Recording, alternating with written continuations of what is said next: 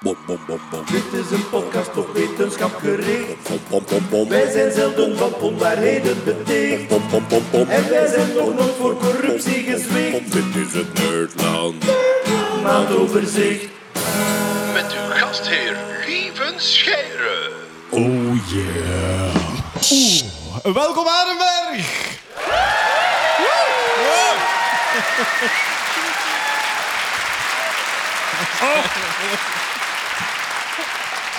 Wat een bende nerds op een hoop, zeg. Als hier nu een bom opvalt, is het land verloren.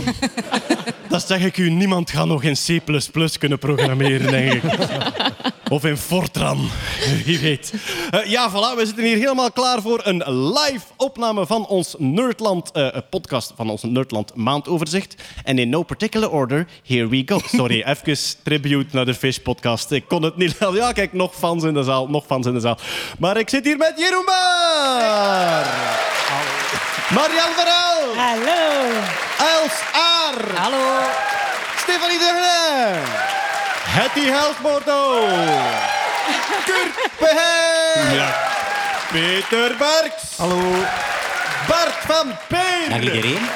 En Lotte Kerkel.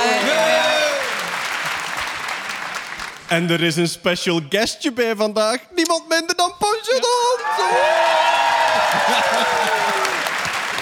Ik ga, ik ga hem voor het beestje zijn kleine hartje nu eventjes backstage afgeven, want 750 man, daar had hij niet op gerekend. Dat zijn heel veel, Oh, voilà. zijn heel veel aaitjes, hè, vriend. Maar zwaai nog even naar de mensen. Daar. Oh. En dan gaat hij nu in zeer goede handen afgegeven worden. Voilà, ze. zijn kleine staartje zit heel diep tussen zijn achterpootjes. Maar hij gaat nu naar een knusse backstage waar hij bemoederd en verzorgd zal worden.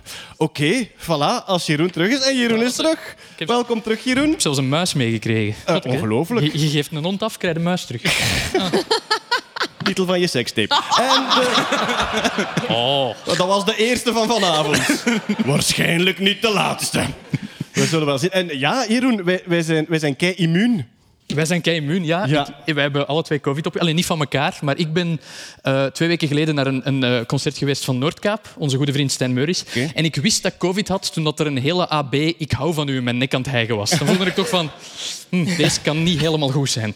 Eh, maar ja, ik ben er, ik ben er vanaf. De stekel-eiwitten prikten in uw nek. En jij hebt het opgedaan in Amerika. Ja, inderdaad. Ik heb het opgedaan in Amerika, maar waarschijnlijk van een Nederlander. Dus het zou kunnen dat ik wel, dat ik wel de lokale variant... eigenlijk, Nederlandse dat die Amerikaan. Dat de lokale variant gewoon even op citytrip was. Eh, dat zou eigenlijk wel kunnen. Eh, Oké, maar we gaan er eigenlijk gewoon aan beginnen, want we hebben allemaal een onderwerpje vanavond. En goh, ja, kijk, eh, de actualiteit, we kunnen er niet omheen. Ik herinner mij bij onze vorige podcast dat we zeiden...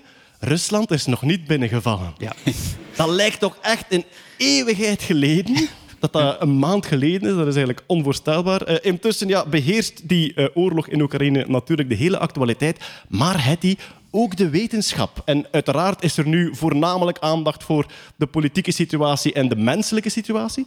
Maar ja, in vele wetenschappelijke kringen is dit... Goh, geeft dat redelijk wat hoofdpijn, ruzie met de Russen. Ja, inderdaad. Eh, ja, het staat uiteraard volledig los van het menselijk leed. Dat, dat moet en zal primeren, denk ik. Maar ehm, ja, impact op de wetenschap is, is vrij groot.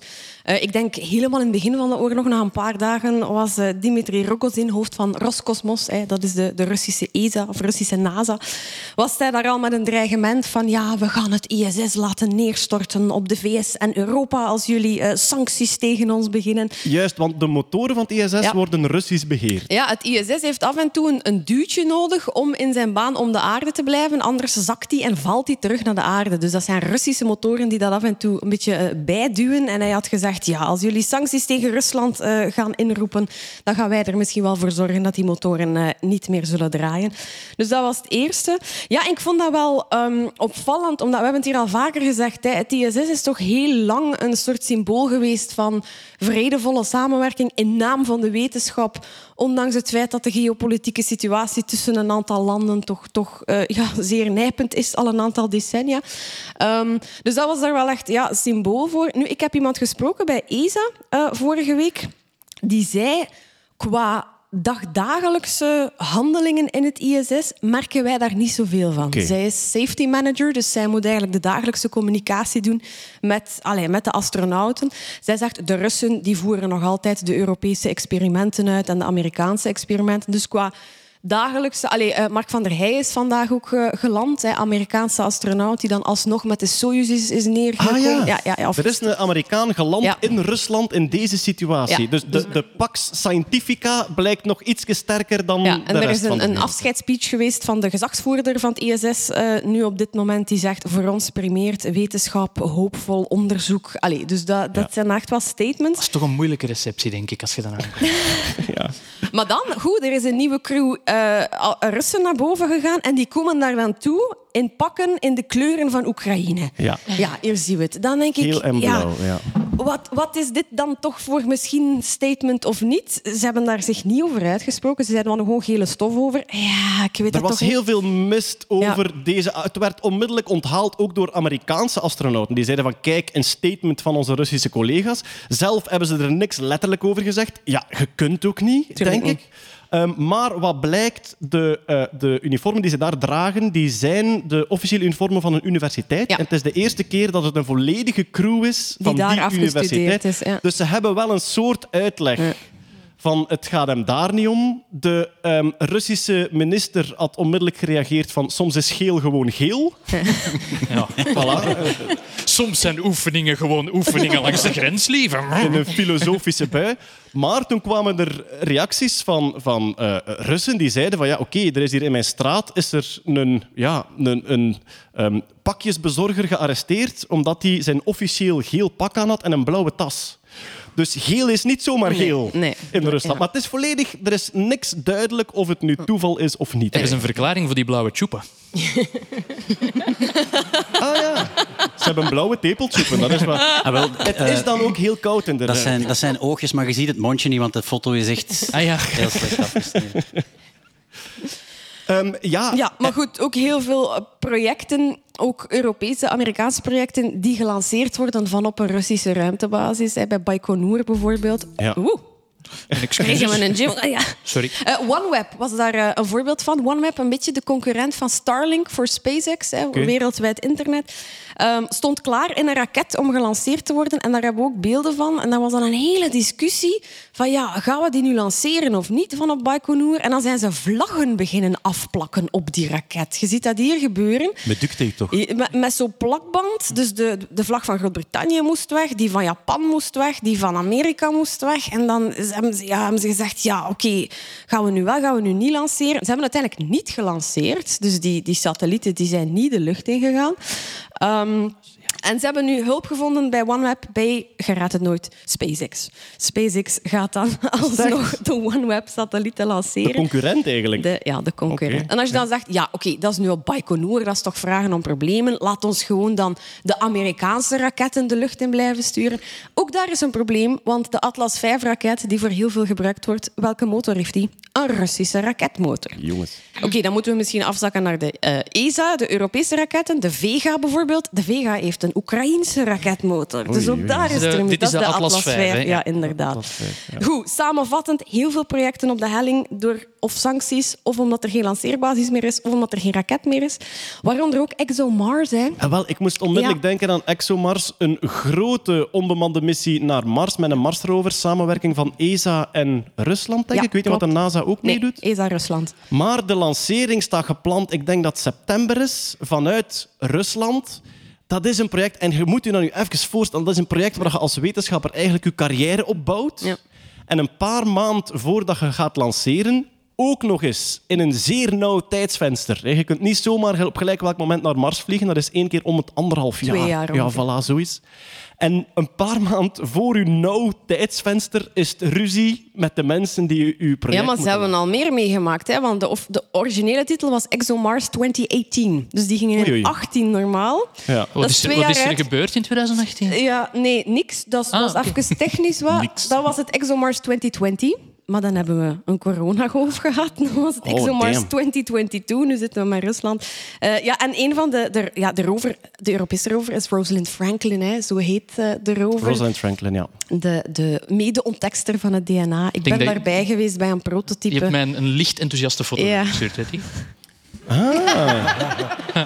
Hetty en Rosalind. Ja, voilà. Ehm, Maar dus ja, zo daar- zie je maar. ja. Je, je noemt u rover Rosalind Franklin en er is blijkbaar een glazen plafond, Ja. want ze wordt niet gelanceerd. Dus dat is eigenlijk dramatisch. Maar dus. ESA heeft aangekondigd, we gaan niet lanceren. Ehm, er was ook een, het was een Russisch platform waarop het rovertje ging landen, dus dat kan ook niet. Het ging in een Russische raket, dus dat, is allemaal, dat gaat waarschijnlijk vijf of tien jaar uitgesteld worden.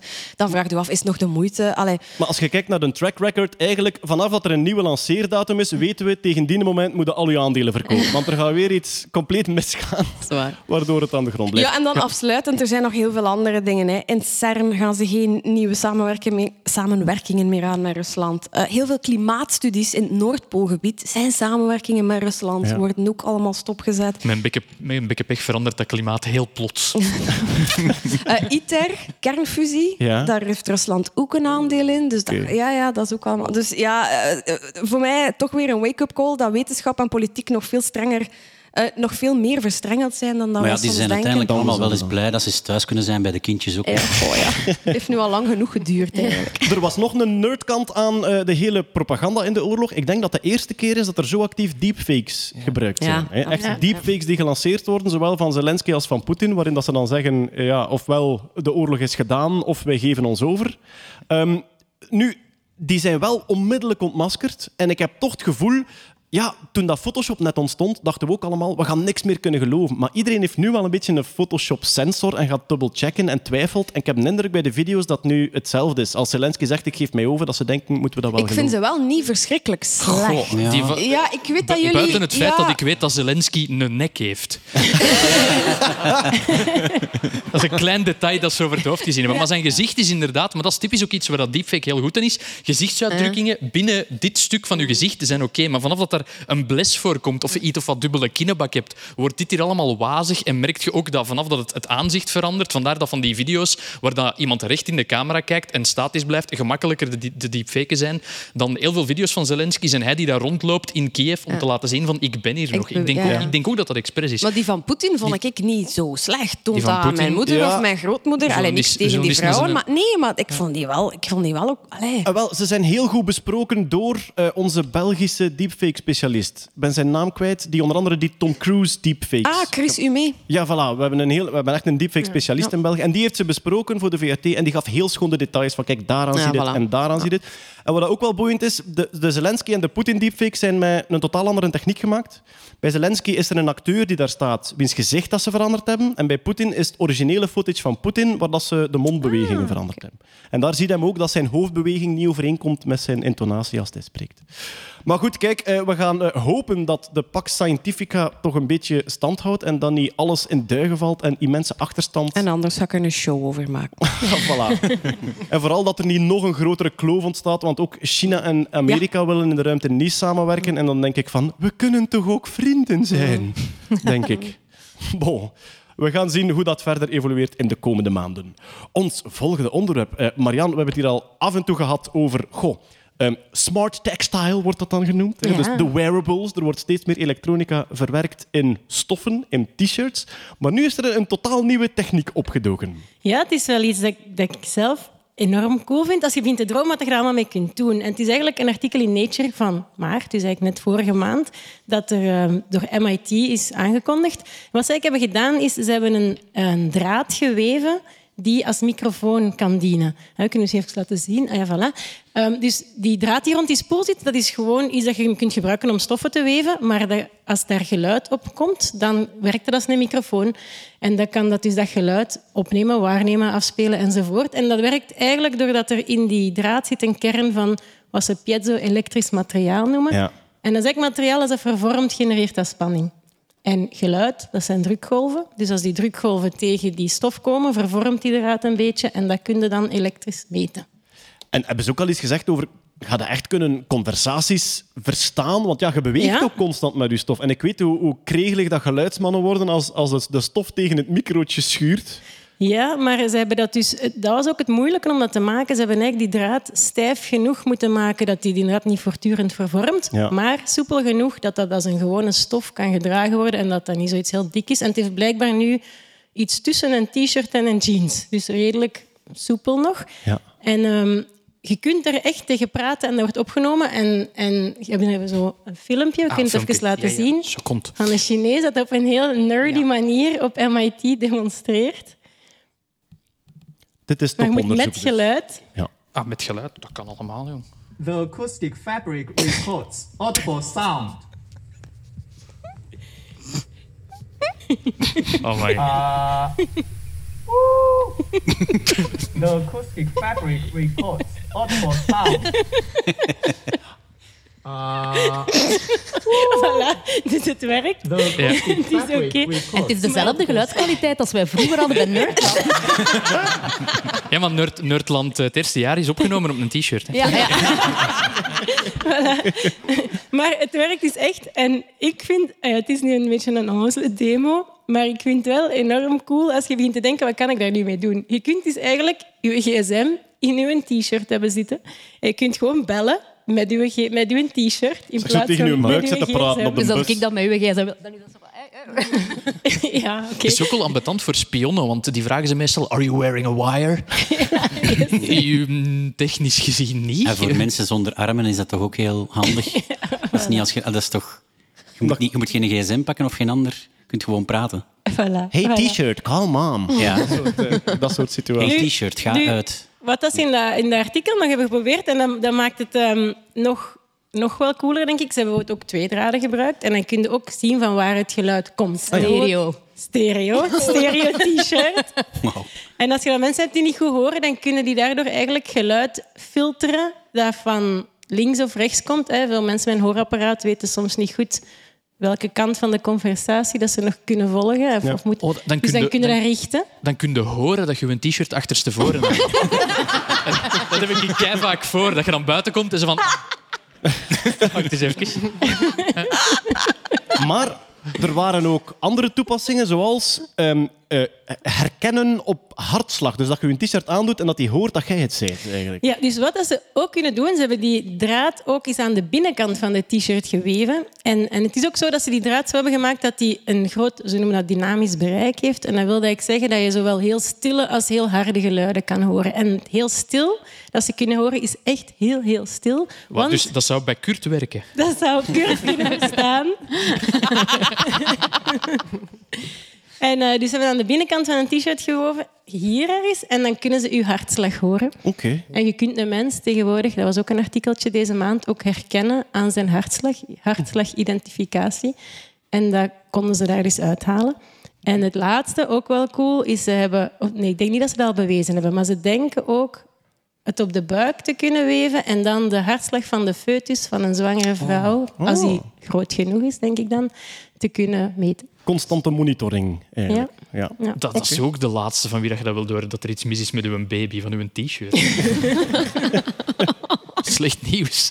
Ja. Dat ook verschijnt op uw t-shirt. van Dit, dit had je ook nog doorgestuurd, Marian, maar dit is een soort van DJ-t-shirt of dit is een Ja. concept? Of, eh, Het laatste is, Oh, elke microfoon is eigenlijk ook een luidspreker. Want dat piezo-elektrisch effect dat ik van sprak, hè, be- beweging doet elektriciteit ontstaan in die draad, kun je ook omdraaien. Elektriciteit doet beweging ontstaan en beweging zijn weer golf, schokgolven en dat is geluid.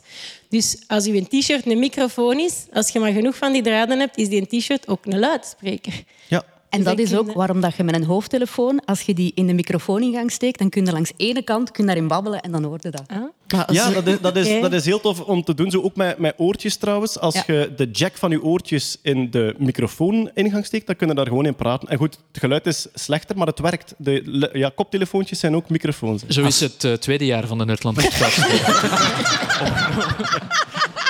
Hey, en trouwens, als je dat niet insteekt, dus je steekt dat niet in, dan kun je daar ook in praten. Dat is waar. Ik zie nu, ik zie nu een, een, ja, een paar wachtenbekenaars die normaal gezien zat op de hoek van het kruispunt zitten. Ik praat al jaren tegen mijn broek.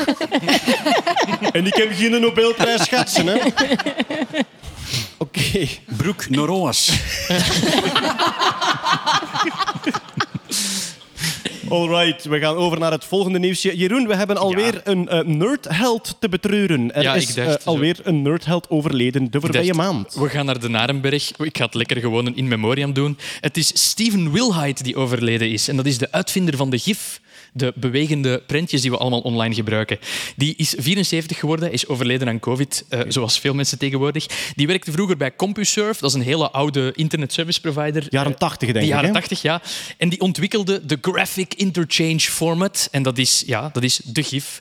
Ehm, eh, oorspronkelijk was het het idee, omdat de internetverbindingen zo crappy waren. De GIF was eigenlijk een van de eerste eh, afbeeldingsformaten die de afbeeldingen konden comprimeren. Heel veel van die GIFs, ziet je zo de pixels nog, kunnen ze tellen.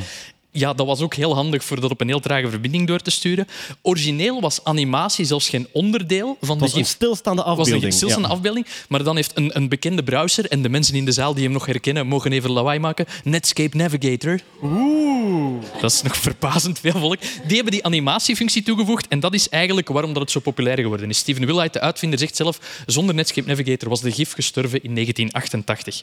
Eh, ondertussen is dat vervangen door eh, betere formaten, maar het is ondertussen ook terug gepopulariseerd door al die GIF-keyboards die we allemaal gebruiken. Hè. Op WhatsApp tegenwoordig. Dat had Steven Wilhite nooit kunnen denken. Hij heeft gezegd, een paar jaren voor de van het is mijn grootste, eh, mijn grootste verwezenlijking ooit. Maar dat is ook zo bijzonder dat, dat iets wordt ooit gecreëerd in de jaren 80 met een bepaalde functie en die evolueert dan compleet naar iets anders. En als we nu horen een gif, dan denken we, ah ja, een grappige loop op Twitter. Hè. Dat is zo, ja, dat is de standaard. Wel, voor. eh, een, een punt van controverse. Wij zeggen hier nu GIF, maar hij had een heel duidelijke mening over hoe dat het moet uitgesproken worden. En hij heeft die mening eh, geuit toen hij zijn eh, Webby Award ging halen voor Lifetime Achievement van de GIF.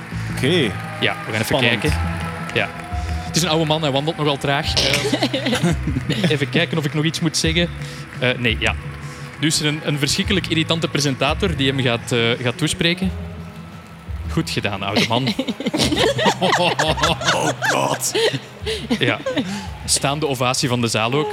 Instead of speaking his five words tonight, uh, instead of speaking his five words tonight, Steve is using his own invention uh, to accept his award.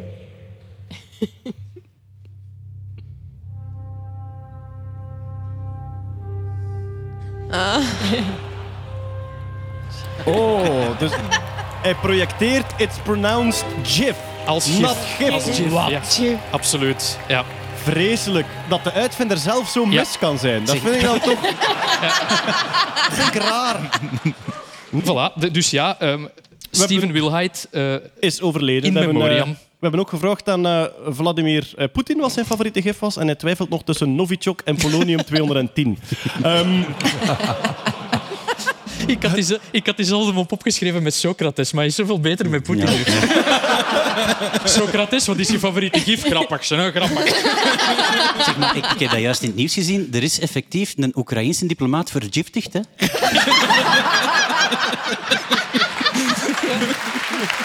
Dat is echt waar. Ja. We gaan over naar het eh, volgende nieuwsje. En het is alweer eigenlijk een soort eh, in memoriam. Maar goed, het is iets minder dramatisch, want het is eh, 60 miljoen jaar geleden. Het is nog altijd dramatisch, lieve. Ja, je, Sorry. huilt, je huilt nog elke avond over de dood van de dinosaurussen. Maar dus, het is... Dank u wel, Els. Els heeft een soundboard. Ja, Els heeft een soundboard en we zullen het geweten hebben. Maar Dat dus, is de, smerig, de dinosaurussen zijn uitgestorven eh, 60 miljoen jaar geleden. En sinds deze maand kunnen we daaraan toevoegen in de lente. Ja, klopt, klopt, klopt. Toch mega cool. Ik las het nieuws en ik dacht, zeg nu niet dat die een of andere anchovies-saus aan. Dat is echt zo'n magere troost. Je kunt dat ook niet in Oekraïne gaan zeggen, maar het is tenminste oorlog in de lente. Hoe hebben ze het ontdekt, eh, Nathan? Hoe hebben ze het ontdekt? Dus misschien eerst even, eh, eerst even terug voor de niet-dinosaurus-liefhebbers in de zaal. Buiten. Ehm, sowieso. Nee, dus ongeveer 66 miljoen jaar geleden sloegen de Chicxulub-asteroïden in ehm, op aarde. Is het En niet dat, eh, nee. We gaan dat niet bij elke geef we gaan hem Jawel. uitmelken tot het bittere Ik heb einde. erop geoefend. Ik heb nog lang niet gedaan met deze mop. Oh, man. Doe, doe rustig, doe rustig verder. Nee, kom, doe, Ze heeft zo geoefend om dat uit te doe spreken. je rust verder. Ja, zo. eh, Nat- Nat- Dus er was een asteroïde die neersloeg op de aarde en die het eh, einde van het krijt inluidde. En daarmee ook het, einde van, van het eh, dinosaurus-tijdperk, 66 miljoen jaar geleden. Ehm, terwijl dat gebeurde, dus die, die inslagkrater vinden we nog steeds, of, of die ligt eigenlijk in de buurt van Yucatan-schiereiland in, in Mexico. Maar ten tijde van die impact, toen die asteroïde insloeg, werd die, dat gesteente, de grond waarop het insloeg, werd zo heet dat dat gesteente zoals smolt. Dat werd super ver in de lucht gecatapulteerd en daar verglaasde dat. Dus wat je eigenlijk kreeg, was dat je een soort van glazen bolletjesregen kreeg tot duizenden kilometers in de omtrek. Oké. Nu, wat hebben ze gevonden? Een team van internationale onderzoekers onder leiding van de Nederlandse, geloof ik, Melanie During. Ehm, Ah, is- heeft Melanie dat onderzoek gedaan? ja, zij, zij Ah. leidden dat onderzoek. Hele ja, toffe eh, tw- twitteraars er ook, over, ja, over paleontologie ja, enzovoort. Ja, voilà. Ja. Ja, zij had daar leiding over dat onderzoek. En zij zijn eigenlijk fossielen gaan studeren in, eh, bestuderen in de Tanis-site in, in Noord-Dakota. En ze hebben daar fossielen gevonden van eh, steuren en die hadden die glazen bolletjes in hun kieuwen. Dat wil zeggen dat die vissen eigenlijk... Toch ehm, vissen, hè? ik wist het. dat, dat die, dus die vissen zijn gestorven waarschijnlijk binnen het uur na de impact van die asteroïde. Dus supersnel. Dus dat weten we. Zoals zijn ze gaan doen, die gaan kijken naar eigenlijk die, die botten van die vissen. Van wat, wat voor informatie kunnen we daar nog uithalen? Alweer de graatjes. Kijk, Net kijk. zoals in de garum. Jarim. Zeg, Nat, maar- zijn, die, zijn die vissen gestorven door de, lange de, avond. zijn de vissen gestorven door de glashagel in hun nek of gewoon door het feit van de inslag? Eh, er is sowieso... Het is niet alleen de inslag, maar het is ook gewoon de, de, de shockwaves, de tsunamis. Waarschijnlijk gaat het eerder een tsunami geweest zijn die, die gewoon alles heeft gesmashed, dan is teruggetrokken. En nu heb je daar eigenlijk een heel ja, mooie site vol met heel, heel, heel goed bewaarde fossielen van vlak na de impact. En zijn er zoveel fossielen ook omwille van die ja, ingrijpende... Ja, ik neem aan met zo'n met zo'n shockwave dat er heel veel begraven wordt ook. Hè? Ja, dat, dat, dat is nog altijd een beetje... Dat is niet super duidelijk wat er precies is gebeurd. Ze weten gewoon, hier zijn heel, heel veel fossielen die net na de impact, omdat ze die glazen bolletjes daar dus wel vinden, die, Ja. die hier bij elkaar liggen. Ehm, dus ze zijn gaan kijken naar die, naar die vissenbotten. En wat ze dan kunnen zien is, die vissen groeien heel seizoensgebonden. Dus in de lente, als er veel zooplankton is, groeien die snel. En in de herfst gaan die trager groeien. Waardoor je een patroon krijgt in die botten waarin je heel duidelijk kunt zien hoe oud is die vis. Een beetje zoals wanneer je ja, een boom omzaagt en je kunt Ja. de ringen Ja. tellen en dan weet je hoe oud de boom is. Dus in die vissen zie je die patronen ook. En ze konden daarin ook heel goed zien dat de winter was afgelopen. Dus de vissen waren al terug zo plankton aan het eten, maar ze zaten nog niet op hun piek.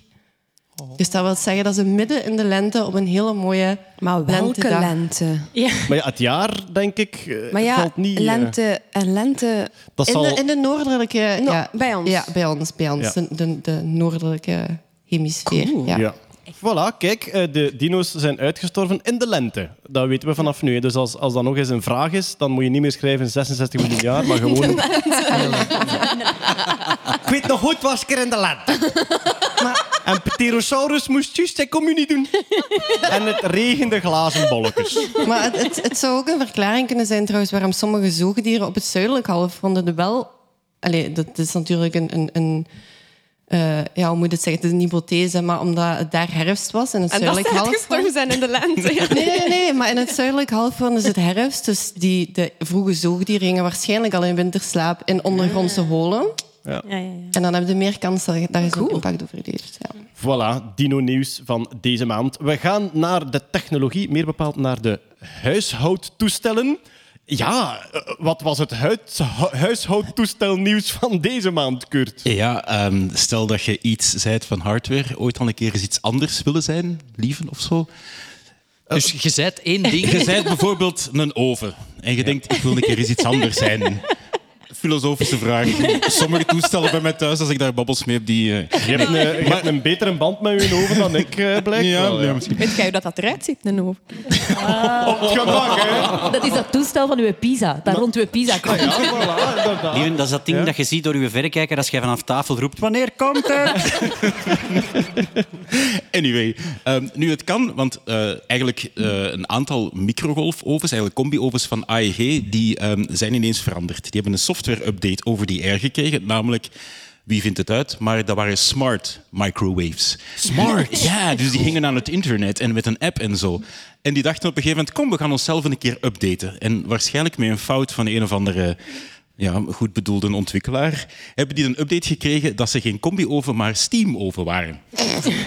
dus heel veel mensen in Nederland melden dat ineens van hey, mijn oven zegt nu van ehm steammenu en ik maak ineens naar een andere temperatuur en ik kan die verversen. Spijtig genoeg werkte die Komt niet meer. er niet uit, Nee, die kon er niet, want de hardware was spijtig genoeg wel een hetzelfde gebleven. Ja, voilà, is dat. Wat, wat maakt AEG nog? Want dat had nog erger kunnen zijn. Als, uw oven, als, uw, als uw oven opeens denkt dat het een grasmachine is. Ja, maar- Of een automatische vuilnisbak. Kan ook. Nu, het grote probleem was dat met die update was ook eigenlijk het feit om die dingen terug te updaten van op afstand ook afgezet. Dus eigenlijk technisch gezien gebricked. En mensen Ah die ja, dat ooit... dus, dus je Oh. zei dan tegen uw oven, zeg stoomoven, update u zelf een keer. Een stoomoven kan zich niet Ja, updaten. en, dan- en dan antwoordt die stoomoven... Doe ik niet, ik ben nu een stofzuiger zonder zak. En ik ga nu inktcartridges voor u bestellen. Ehm, maar... maar dus het enige oplossing was eigenlijk dat er... Dus nu moeten gewoon allemaal fysieke reparateurs met een USB-stick dan, denk ik, om die te updaten, Allee. langs gaan En je bij kunt dat niet gewoon downloaden van het internet. En... Nee, dat is het probleem. Die zijn echt gebrikt, dus die kunnen ook niet meer naar fabrieksinstellingen Maar, oh, teruggaan. Die zijn gewoon volledig geblokkeerd. Kunnen ze dan nu niet alle stoomovens wijsmaken? Snap? Zo, op een of andere manier alle producten ehm, proberen te herleiden naar het product dat het minst verspreid is. Dat ze het minste producten moeten gaan fixen. Het is een bedrijfsfeestje bij AEG. Iedereen mag iets anders zijn. En alle microgolfs al Ja. stofzuigers. En dan komen die er nog eens bij. En uiteindelijk er gewoon alle AEG-toestellen die niks meer zijn. goed dat ik er niet werk. We verkopen alleen nog maar stofzuigers. En dan kun je een ruilbeurs organiseren waar de mensen met een combi-oven die denken dat hij een stoomoven is, kunnen hem ruilen met de mensen met een stoomoven die denken dat hij een combi-oven is. Lieven ruilbeurs maakt daar eens in Of één je zet die keer... allemaal in een kring en je laat die met elkaar praten. Ja. Ja, is, is gewoon een week geleden. Toen dacht ik op Je kunt daar in één keer een datingbureau van maken. Hè? Komt zo iemand met een stoomoven en een Amai, ander... jij bent een hete Hey, guy. hey. Oh. Anyway, ehm, nu de vraag is vooral van waarom hangen eigenlijk dingen aan het internet? Wel, Mijn bedenking was net, het zijn toch blijkbaar meestal de smart toestellen die de domste dingen doen Ja, tegenwoordig. voilà. Nu, we hebben, we hebben een aantal... ay, sowieso een heel interessante int- Twitter-account. We hebben al een paar keer vermeld om te volgen. Daarover is Internet of Shit. Echt, de waanzinnigste verhalen komen erop. Dat is heel tof. Eh, we hebben ook een tijdje geleden trouwens in de podcast ook een ander ehm, eh, smart device ehm, behandeld. Namelijk de Cellmate Chastity Tool. Oh. Lock. Wat is dat, Kurt? Ik snap dat niet. Het is een moderne kuisheidsgordel voor de man die je van op afstand open en dicht kunt doen. Wat is dat, Kurt? Een kuisheidsgordel. Peniskoker. Wat is een penis? Wat is penis? Ja, Hetty, wacht. Zeg maar, die peniskoker is toch niet geüpdate, hè? want anders gaat hij denken dat het een, Die wordt ineens warm, die wordt ineens warm, ja. Dus die was gehackt, bijvoorbeeld, van op afstand. Dat is nog een risico natuurlijk. Dat die, Ja, die, Ging, die ging niet meer open. die dat ging was niet meer open. Dat was- Je kon, die, je kon die hacken en blokkeren, maar ze hadden dan achteraf hadden ze ook nog onderzocht hè, van op basis van die hack wat ze er nog mee konden doen. En ze konden hem zo snel minuscuul open en dicht doen dat hij overhitte. Ja. Dus het was een oven. Ja, dus- Uiteindelijk was het een hotdogmachine geworden. En hoe de mosterd er... En stop metafoor. Stop metafoor. Ben je Anyway. geil of ruikt het hier een beetje naar spek? dat is ba. Ja, oké. Voilà. Maar dus eh, eh, smart toestellen met een identiteitscrisis Ja, voilà, dat. eigenlijk. Ja, voilà. Combi-ovens die plotseling dachten dat ze stoomovens waren door een verkeerde update. Bart, Oh, jij houdt wel van een uitdagingetje, hè? ja. Ja, voilà. Ik ben Ehm, net de trap opgekomen. En gedanst. Ja, en op de rave, op de Nerdland Ja. Rave gedanst. Ja, eh, zat, zit niet in de podcastopname, maar voor de opname bij de Nerdland Rave gedanst. eh, met de volledige Arenberg. Kwestie van aerosolen te verspreiden. Ehm, maar Bart, ja, we kunnen er niet omheen. Het is eigenlijk echt wel immens belangrijk wetenschapsnieuws van de voorbije maand. Eh, zwarte gaten, dus we zitten in de, in de kosmologie, in de relativiteitstheorie en de kwantummechanica. Tegelijk, zwarte gaten hebben misschien toch haar. Ja. Nee. Zijn er nog vragen? Dus we gaan nu, we gaan nu beginnen aan... ehm, eh, Een half uur van jullie tijd. Zijn er mensen die naar huis moeten? Echt, pak de jas, het is nu de moment. Nee, maar, ehm, maar we gaan, we gaan het ja. er gewoon bij vertellen. Het is, het is is- algemene relativiteit die in botsing komt met, Met kwantummechanica. En dat is een beetje een constante in de echt diepgaande theoretische fysica. De relativiteit verklaart op fantastische wijze heel veel dingen als het over grote zwaartekracht, grote energieën gaat, grote snelheden. Ja. De kwantummechanica verklaart op wonderbaarlijke wijze allerlei subatomaire effecten enzovoort. En als die twee samenkomen, en dat is bijvoorbeeld zo bij zwarte gaten, dan botsen die volledig, hebben die tegenstrijdige theorieën en worden Ja. de fysici een beetje gek en moeten die dat proberen oplossen. Het is een beetje gelijk Ex on the Beach. Hè? Twee dingen die heel sexy zijn en je weet op voorhand dat ze niet gaan accederen, maar je zet ze toch bijeen en het loopt fout. Zwart. We gaan een keer beginnen bij... We gaan een zwart gat bekijken vanuit de relativiteitstheorie. Ja. ja. En wat ontstaat er dan? Je hebt een, hoe, hoe groter de zwaartekracht, hoe trager de tijd gaat. Bij een zwart gat zit er zoveel materie op elkaar gepakt dat op een bepaald moment de tijd stilstaat. Dus als mensen zeggen een zwart gat heeft die diameter, dan gaat dat niet over een massieve bol met die diameter. De diameter is de plek vanaf waar de tijd stilstaat. Ja. Voor ons dan, die er naar kijken. Ja, ja. En vandaar kwam de uitspraak ooit... Black, eh, black holes have no hair. Black, hole, black holes have no hair. Ja, dat, is een, dat is een uitspraak die da, eh, ontstaan is in de jaren 60. Eh, dat was Jacob Bekenstein en Wheeler die dat toen die uitspraak ja, gedaan hebben. Omdat, ze hadden dat berekend. Ze hadden heel eenvoudige zwarte gaten onder de loep genomen. Theoretisch berekend. Theoretisch berekend, gekeken van... ja, welke info geeft een zwart gat eigenlijk allemaal vrij? En daar was uitgekomen dat als je naar een zwart gat kijkt van buiten die zogenaamde waarnemingshorizon, dus dat oppervlak van waar binnen niks meer kan ontsnappen, dan geeft een zwart gat eigenlijk maar drie dingen prijs. Zijn massa, zijn lading en, een, eh, en zijn draaimoment. Ja. En dat is een beetje bizar, want als je gaat kijken naar eh, twee zwarte gaten die op een heel verschillende manier ontstaan zijn, bijvoorbeeld één zwart gat is ontstaan door twee neutronensterren die rond elkaar draaien en floep, in elkaar zwart gat. Een ander zwart gat is ontstaan door bijvoorbeeld een, eh, een heel grote ster die op zichzelf geïmplodeerd is.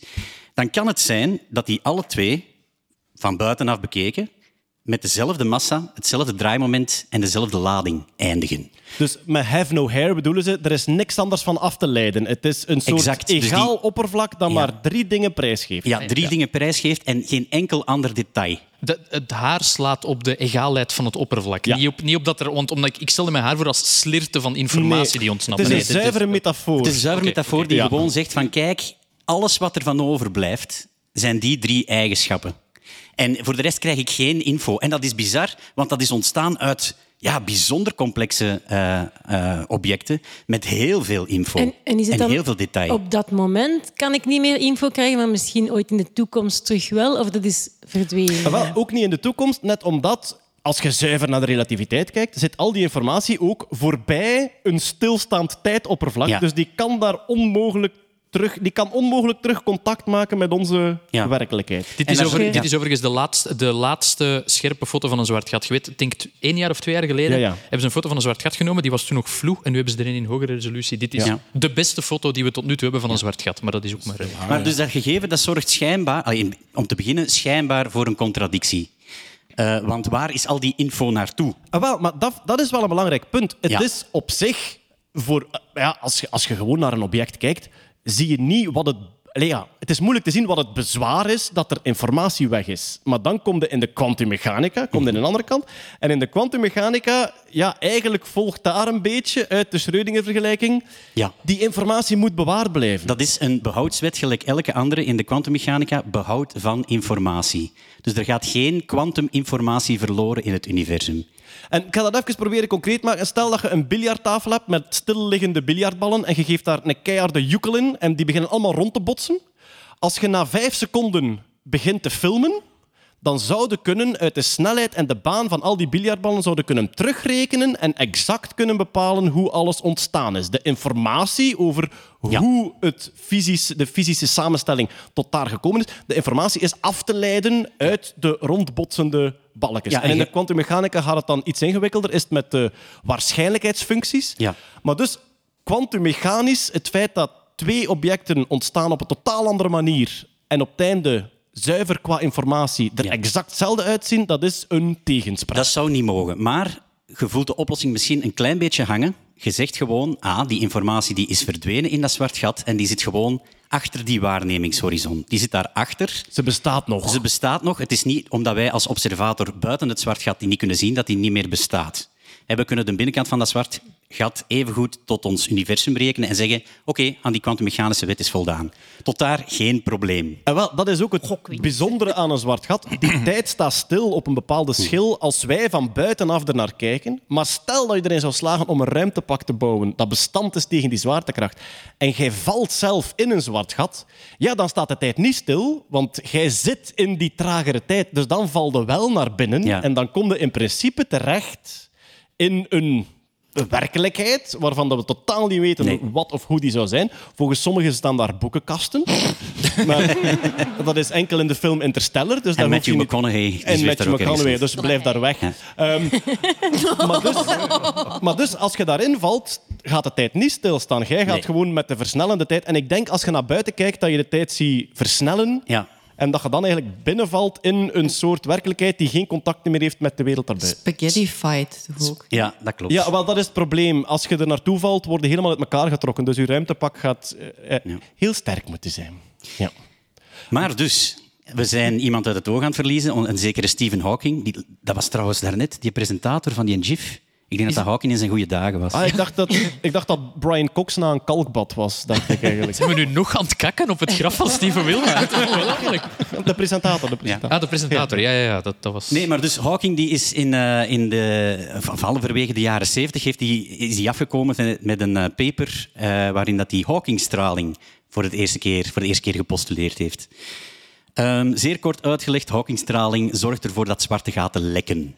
Ja. Dus die zwarte gaten, ondanks het feit dat door algemene relativiteit geweten is dat daar niks aan kan ontsnappen, ene keer op of voorbij die waarnemingshorizon, toch is Hawking erin geslaagd van een soort van kwantummechanisch verschijnsel te omschrijven, waarbij dat er energie wegdrupt uit een zwart gat. En is dat dan door... ehm, er, ja, in de kwantummechanica hebben ze iets als kwantumruis. In een vacuüm kunnen er deeltjes ontstaan. Er kan plotseling ja, een, Ja. een deeltje naar ene kant schieten en het antideeltje naar de andere kant. Die gewoon ontstaan zijn door de hele onwaarschijnlijkheid daar. En eentje daarvan kan binnen het zwart gat zitten en de andere kant buiten de event horizon en dan toch nog weglekken. Dat is, dat is de populariserende uitleg die Hawking zelf eh, verzonnen heeft, omdat hij zijn echte uitleg te moeilijk vond. Dus dit was de simpele uitleg. Dankjewel, Steven. Maar het komt erop neer dat hij inderdaad het vacuüm is gaan bekijken, wat dat ook een soort van... Ja, dat, heeft, dat, heeft, dat, dat heeft ook een kwantumtoestand en dat is een borrelende zee van virtuele deeltjes. En als je daar energie aan toevoegt, kun je van virtuele deeltjes een reëel deeltje maken. En dat is wat dat daar gebeurt, omdat dat zwart gat... eh, of, of de, de kromming van de ruimte daar rond, omdat die in interactie gaat met die kwantumsoep, verliest dat zwart gat daar energie aan. En er gaan deeltjes uit die kwantumsoep reëel worden. Wat dan neerkomt op inderdaad, plots eh, ontstaan daar deeltjes aan de rand van dat zwart gat en je gaat plots met een, met een zeker gas zitten, met een hoop deeltjes, met, met straling. Maar die Hawkingstraling die is al langer bekend dan deze maand. Wat hebben ze er eigenlijk deze maand aan toegevoegd? Ehm, wel, er moet nog één ding gezegd worden over die Hawkingstraling die heel belangrijk is. En dat is dat die, ehm, dat die beschreven kan worden door één parameter, zijnde haar temperatuur.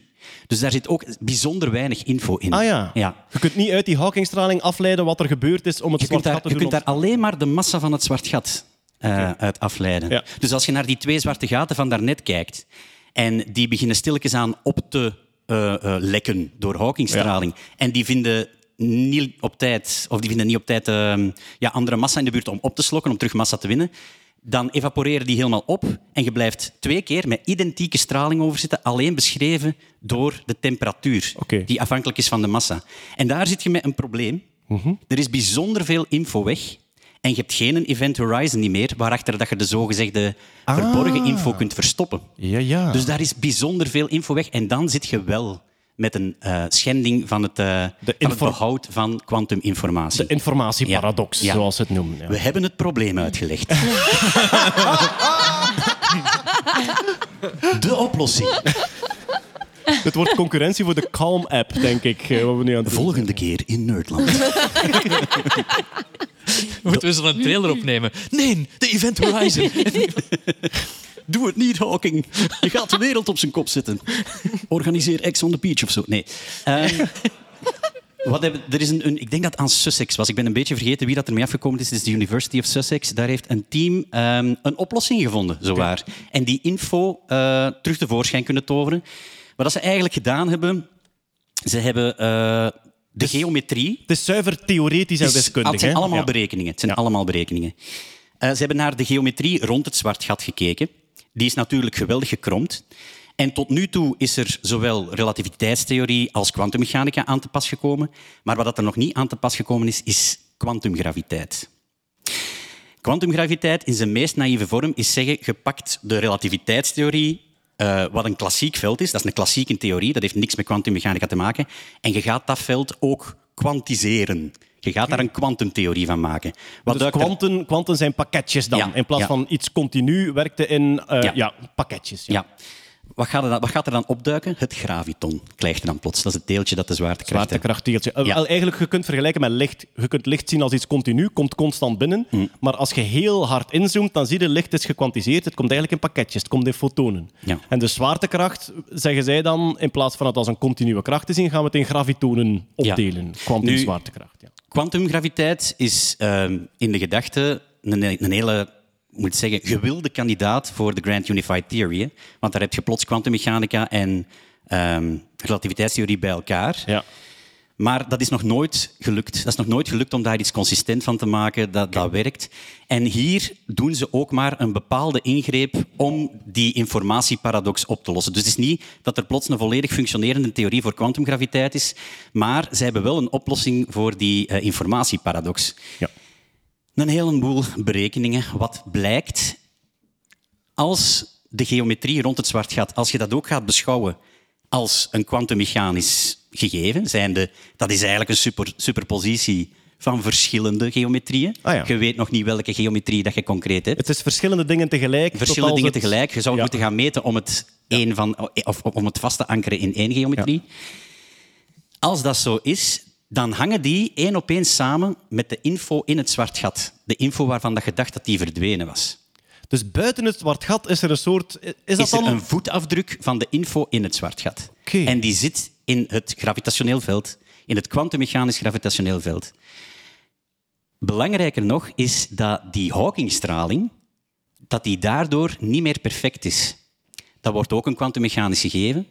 Dat is niet meer alleen beschreven door de temperatuur. Daar komen een hoop nieuwe vrijheidsgraden bij kijken.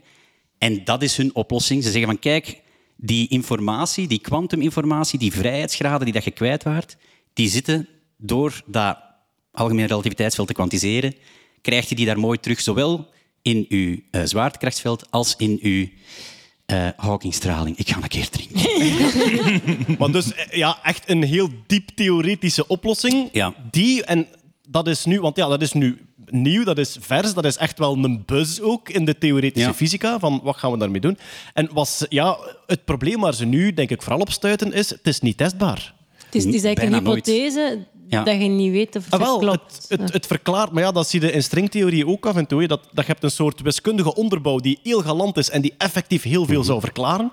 Maar het is niet falsifieerbaar. Je, kunt, je kunt geen testen doen om het te gaan bewijzen of te weerleggen. Nog niet. Ja. Nog niet, ja, dat is de hoop inderdaad. Maar is, is het nu echt zo'n mooie theorie of is het zo'n theorie waar ze zo alle wiskunde hebben vind een ge- theorie met haar. Het, het is dat laatste, Natta. En, ehm, Het is de- zo wat geforceerd. Het is zo wat om- geforceerd, maar dat, dat forceren doe je altijd eh, eh, in dat soort papers. En je doet dat altijd met aannames die dat je zo plausibel mogelijk probeert te maken, limietgevallen, benaderingen. Dat heeft Hawking trouwens ook gedaan, hè, om zijn Hawkingstraling te formuleren. Dat was ook zo'n paper waar dat dingen zo net in elkaar geknutseld zijn, maar wel ja, op een bepaalde slimme manier en met aannames die alle fysici dan ook wel aanvaarden, waardoor dat, dat toch een dingetje wordt en die, en die, die schending van informatie toch serieus wordt genomen.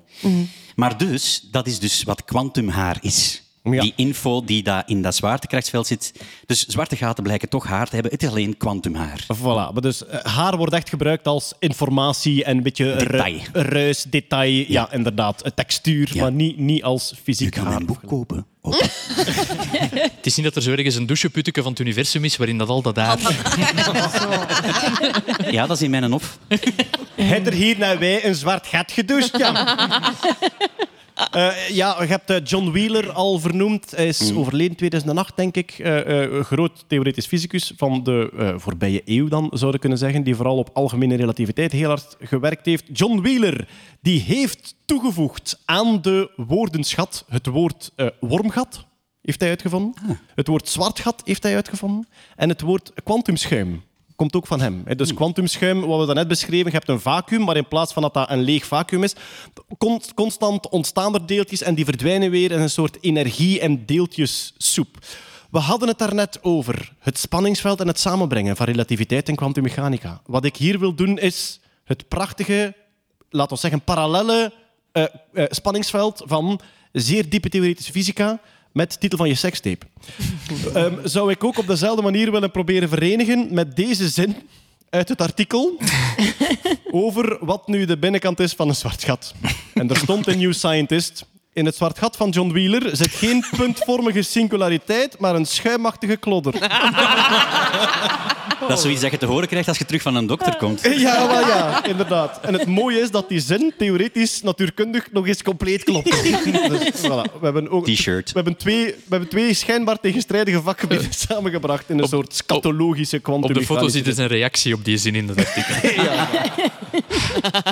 Alright, voilà. De theoretische fysica hebben we al doorstaan voor vanavond. En dan is het nu natuurlijk onvermijdelijk tijd voor...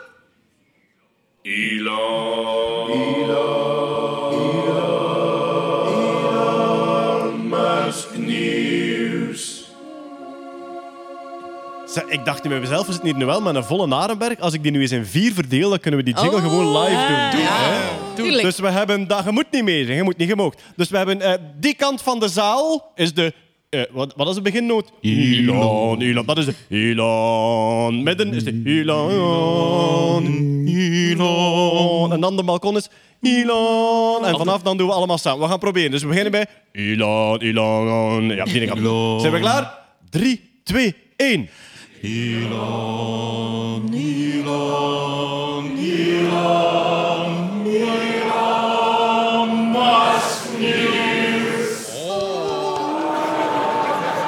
Applaus voor jezelf. Applaus voor jezelf. Het zijn echt zo mensen die thuis gaan zeggen... Ja, het was een saaie uitleg waarvan dat we in slaap gevallen waren, maar daarna hebben we een liedje gezongen en was het weer plezant. Ze hebben ons wakker gezongen na de fysica. Goed, in het Musknieuws, wat is er gebeurd? Blijkbaar heeft hij een nieuwe baby.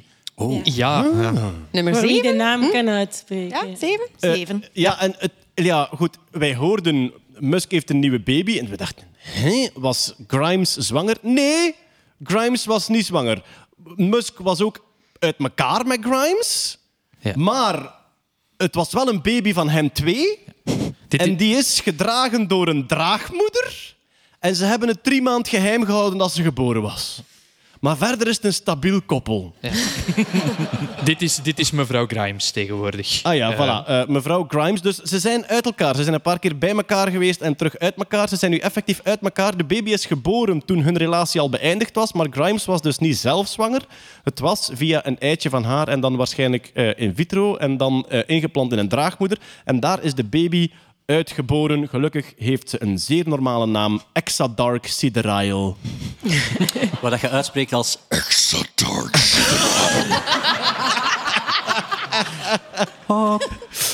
Exadark. Ik heeft pipi gedaan. Dus... Ixaya A12 gaat uw zusje Sidereal een keer gaan halen voor het eten. Komt u ook naar de babyborrel van... Exadark. Ja. En dit, dit is dus hoe dat je het schrijft, hè, voor de mensen thuis. Dat Ah, ja. Extra Dark Cider. De- eh, Grimes, Sideraal is met de A en de E ja, aan elkaar. Ja. Grimes heeft iets voor elfse tekens. En Ja. die, ja, die A en die E tegen elkaar plakken, dat is elfs. Het is ook een. IJslands teken, hoor, de AI. Ah, mijn excuses. Maar dat zijn ook elfen, hè? Ja. Vind, Ja. vind je dan ook niet dat dat klinkt als een verfkleur? Extra dark. Ja, we hebben onze Ja, kelder met extra dark sideraal gedaan. Ik moet altijd denken aan een hele donkere sideraal. Ah, ja. Wel, Exa is 10 tot de 18e, denk ik. Ja. Exa komt na Peta. Hè. Dus je hebt dan eh, eh, Mega, Giga, Terra. Peta zeker? Na Terra, die, gaan, die gaan nog veel kinderen maken. Maar ja, en ze zeggen dan, de EXA is eh, voor naar de toekomst te kijken, EXA zo groot. Maar tegen dat dat kind 12 is, is EXA zo van, ja, mijn stikskin hier is EXA. Ja, Dat is waarschijnlijk. al 1900. Zo. Ja. Ik, heb, ik heb op het internet een Musk Grimes babe, baby name generator. Fantastisch. En je kunt dan zeggen, how do you travel places? Luxury automobile. Wel, uw kind met Elon Musk is NHU BMW i8. Do you like mathematics? Uppakee. Ehm help me Bart. Uh, uh, Bentley Continental. Eh, F kapotte ladder Bentley Continental. Do you want to confuse people? Yes, but a lot. Ja. En was military aircraft, uppakee. De Mich- Sigma T3 MiG-21. Voilà, maar kijk, eh, ze hebben dus een nieuwe baby. Ze zijn wel eh, uit elkaar. Ehm, Grimes heeft volgens ver- verteld wordt een nieuw lief. En dat zou Chelsea Manning zijn. De En Chelsea Manning is dus de transvrouw die klokkenluider was voor... Wikileaks. Wiki. Ja. Was dat voor, maar dat was het hele spionage Ja, dat waren de, de, de cables tussen de verschillende ambassades, denk ik. Ja, en ik denk ook eh, de, de manier dat, ehm, dat communicatie in de gaten gehouden werd. Hè? Was dat niet? Dat alles eigenlijk Yes. nagelezen werd enzovoort. Dus eh, Grimes is dan blijkbaar nu samen met eh, Chelsea Manning, want het was nog niet gecompliceerd genoeg met, met Musk en kinderen en al dat soort dingen. En ik was in Amerika twee weken terug. Lieven was in Amerika. Ja. Amai, zeg, wauw. Nonkel Lieven... ja. Nonkel Lieven vertelt over zijn reis naar Amerika. En we gaan een dia-avond doen. Ehm, en, Ik eh, heb maar twee dia's, lieve. Oh, Maar ik heb ja. Instagram moeten plukken. Ik heb een echte space shuttle bezocht, de Endeavour. Hè, die staat in, eh, in Los Angeles. En daar kan je dan rondwandelen en dan eigenlijk ja, naar kijken. De space shuttle heeft iets uitgesprokener jukbeenderen dan ik dacht. Eh, heb ik wel Die van u zie je niet. Nee, dat is waar. Die zitten De, achter de een, Space Shuttle een heeft. Ja, ja, die heeft Hebben ze echt- daar moeten buiten zetten? Er is weer iemand de Space Shuttle aan het neuken. Hallo, Het is Ah, wel, weer maar- gebeurd. Maar van achter, die... Van achter. die ja, ja, wel. Ja, ja. Ik ging, Ja, ja. ik ging wel zeggen, die motoren, die, motoren ja. die eruit Ja, ja, komen, die zien er Dat zwart, fantastisch dat uit. zwart gat heeft hier geen haar. Ik zie wel een konische singulariteit. Eh, maar ik stond echt ik stond achter die special te kijken naar die massieve motoren en ik dacht, ik ben gewoon naar haar gat aan het kijken. Dat is echt zo... That ass, though. Ja. Ja. Eh, het ziet er fantastisch uit. We zijn ook op bezoek geweest in de, de SpaceX eh, Factory, dus de Rocket Factory. Zo, als mensen al naar zo live lanceringen gekeken hebben, zo die glazen wand waar al die juichende mensen achter staan, dat was daar. Dus ik stond daar dan en... Te juichen. Ja, voilà. eh, zeer Nee, die enthousiast mensen geweest. stonden dan nog altijd te juichen. En ik was, daar, ik was daar op bezoek bij eh, Vlamingen in eh, Pasadena. En die zeiden van, ah ja, Grimes heeft hier een huis gekocht, twee straten verder. Dus ja, nu, nu En was het een daar. spookslot? Ja. ja, waarschijnlijk. Er staat een spinnenwiel waar je niet aan mocht tikken. Haar huisnummer is eh, 3F48 Ford Fiesta. Ehm, Welke, welke raket sta je hierbij, lieve? Eh, ah ja, de, de raket waar ik hierbij op de foto sta, dat is eigenlijk de SpaceX eh, eh, eh, Falcon, Nine? die voor de ingang van de Rocket Factory staat. En je hebt dan bovenaan heb je zo die vinnen, hè, zo die metalen vinnen die je gebruikt om terug te landen. Die zijn ongeveer, goh, ik denk, een meter, een meter en een half lang. En één daarvan is hun koffietafel in de, in de ontvangsthal. heb je zo, echt zo'n een, vin met dan een glazen blad daarop. Echt eh, massief prachtig. Maar dat, het, dat ze koffie zo constant doorvallen. Ook. ja, waarschijnlijk. Eh, ja, voilà. Wat hebben we nog staan in het Musk-nieuws? Musk wil vechten met Poetin. Ah ja. Ja. In een van zijn lucide eh, eh, Twitter-rants. I hereby challenge. Eh Natta, jij hebt, jij hebt eh, Russisch geleerd. Wat staat er daar? Denk Vladimir Poetin, hè? Vladimir Poetin. Vladimir Poetin. Maar dat lijkt op een B. Voor mij staat er Vladimir. Ja, de, de, de B wordt een V. I see. Ja. Oké. Stakes are... Ja, dat zal dan Oekraïne zijn. Ja. Ja. Ja. En dan had een of andere I hoge... challenge him to single combat. Dus hij wil, ja, single combat. Ja. En dan had een of andere... eh ah, voilà, deze moet jij vertalen, Senata, want mijn translate is, is, eh, is, is weg.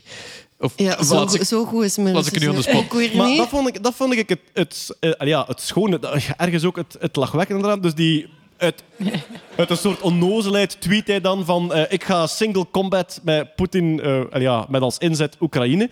En er komt dus antwoord van de, minister, van de minister van Defensie van Rusland. Rogozin. Ja. Die antwoordt daar serieus op met iets als eh, je bent niet sterk genoeg voor Ah, onze sterke president. Ik heb het vertaald. Wacht, ik, ik zal het beste doen. You little devil are still young. Compete with me weak. It would only be a waste of time. Overtake my brother first. He has Pushkin, the tale of the Pope, and this worker Balda. Het is echt zo, het is echt zo Emperor oh, Ah, wel, er Emperor- mankeert nog één zin en dat is all your base are belong to us. On this fully operational Russian army star. Eh, ja, voilà. En, Ja. Rogozin is ho- hoofd van Roscosmos. hè. Ah, is het Ah, ja, en- dat is ook een uitgesproken eh En man, wie heeft er nog gereageerd? De president van Tsjetsjenië? Ja, Kadyrov. eh, Ja, die had ook gereageerd. En ook zo. Maar dat is dat je met dat soort onnozele tweets toch het, machi het machismo kunt triggeren van ik ben sterker dan jij, vechten, ik zal. Breng jij de olijfolie mee. Deze gezelligaard had ook eh, geantwoord. Ramzan Kadyrov, dat is de man die de, de homo's vervolgt in, in, in Tsjetsjenië. Ja, voilà. Ja, hij heeft ook, heeft, hebben jullie ooit dat stuk gezien? Ik het niet opzetten, maar eh, Ramzan Kadyrov heeft ooit zijn kat verloren. En dan heeft John Oliver daar hilarisch commentaar op gegeven van is dit je kat? Is dit je kat? En dan heeft iedereen Ramzan Kadyrov getweet met is dit je kat? die, die rabiate homo-hater toch een beetje te pesten. Ja, voilà. Kijk. Maar ja, dus eh, de, ja, de, de minister van Defensie reageerde dan en Poetin heeft er dan toch weer op... eh, zeg ik? Musk heeft daar dan toch weer op gereageerd. eh, Omdat hij zei van, eh, eh, ja, Poetin zal je verslaan. En zei van, ah ja, ik, ik merk dat je duidelijk een hoger percentage van de recetten wil. Dat is geen probleem. En dan heeft hij een foto getweet van hij met de vlammenwerper en Poetin op de beer. Enfin...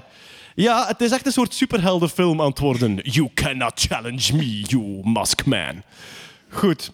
Wat heeft hij daarna gedaan op Twitter? Beginnen zagen over dat Twitter niet genoeg free speech toelaat en dat hij zijn eigen Twitter gaat starten. Maar ik snapte het niet volledig. Ja, het is zo'n soort van vage belofte van...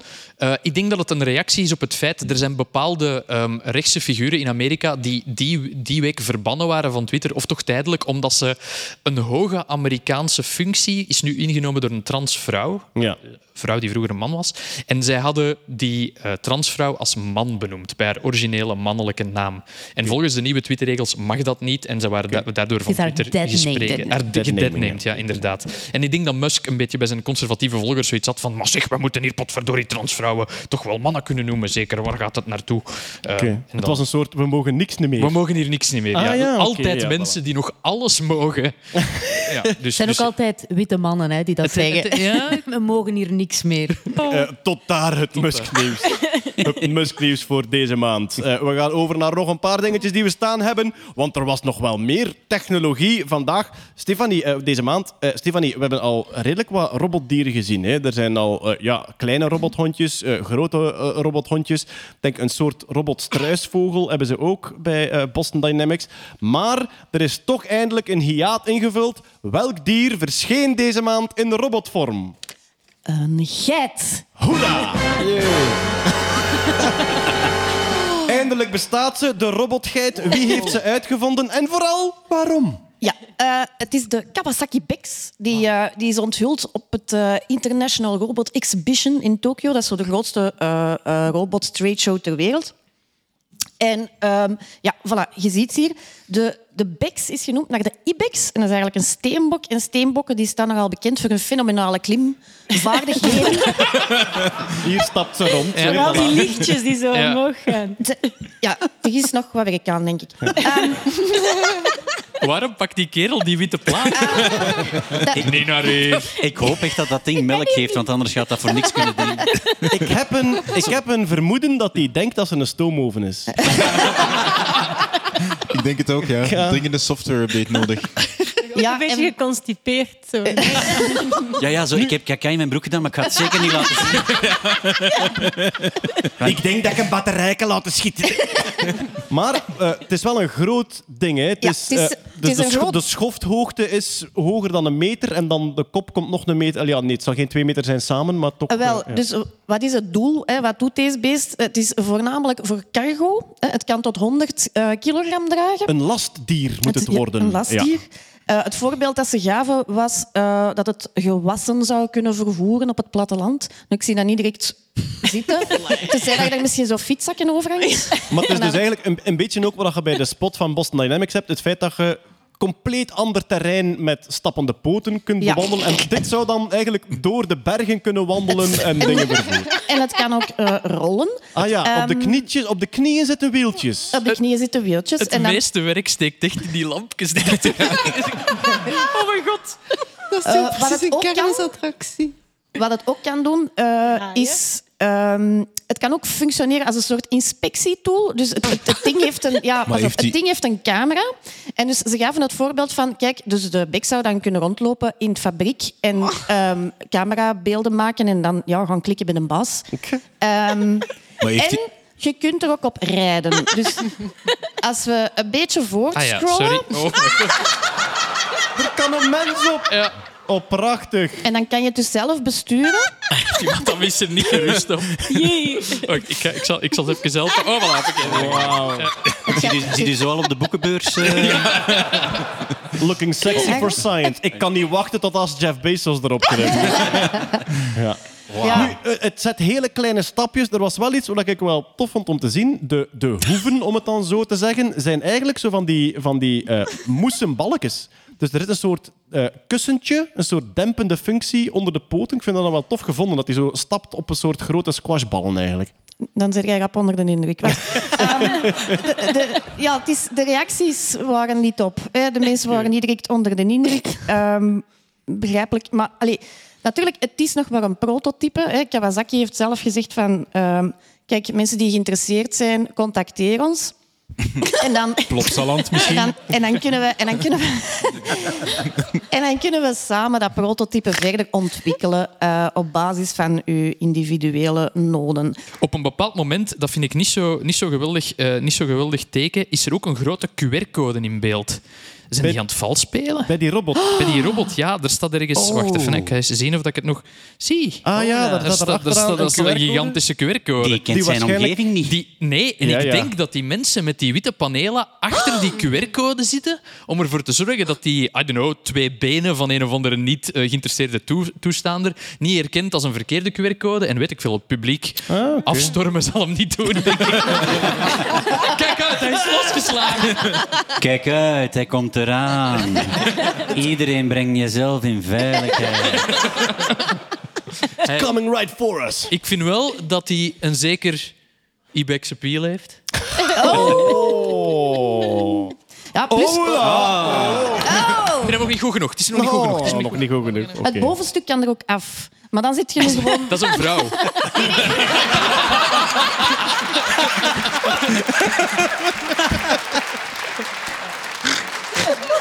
Titel van je...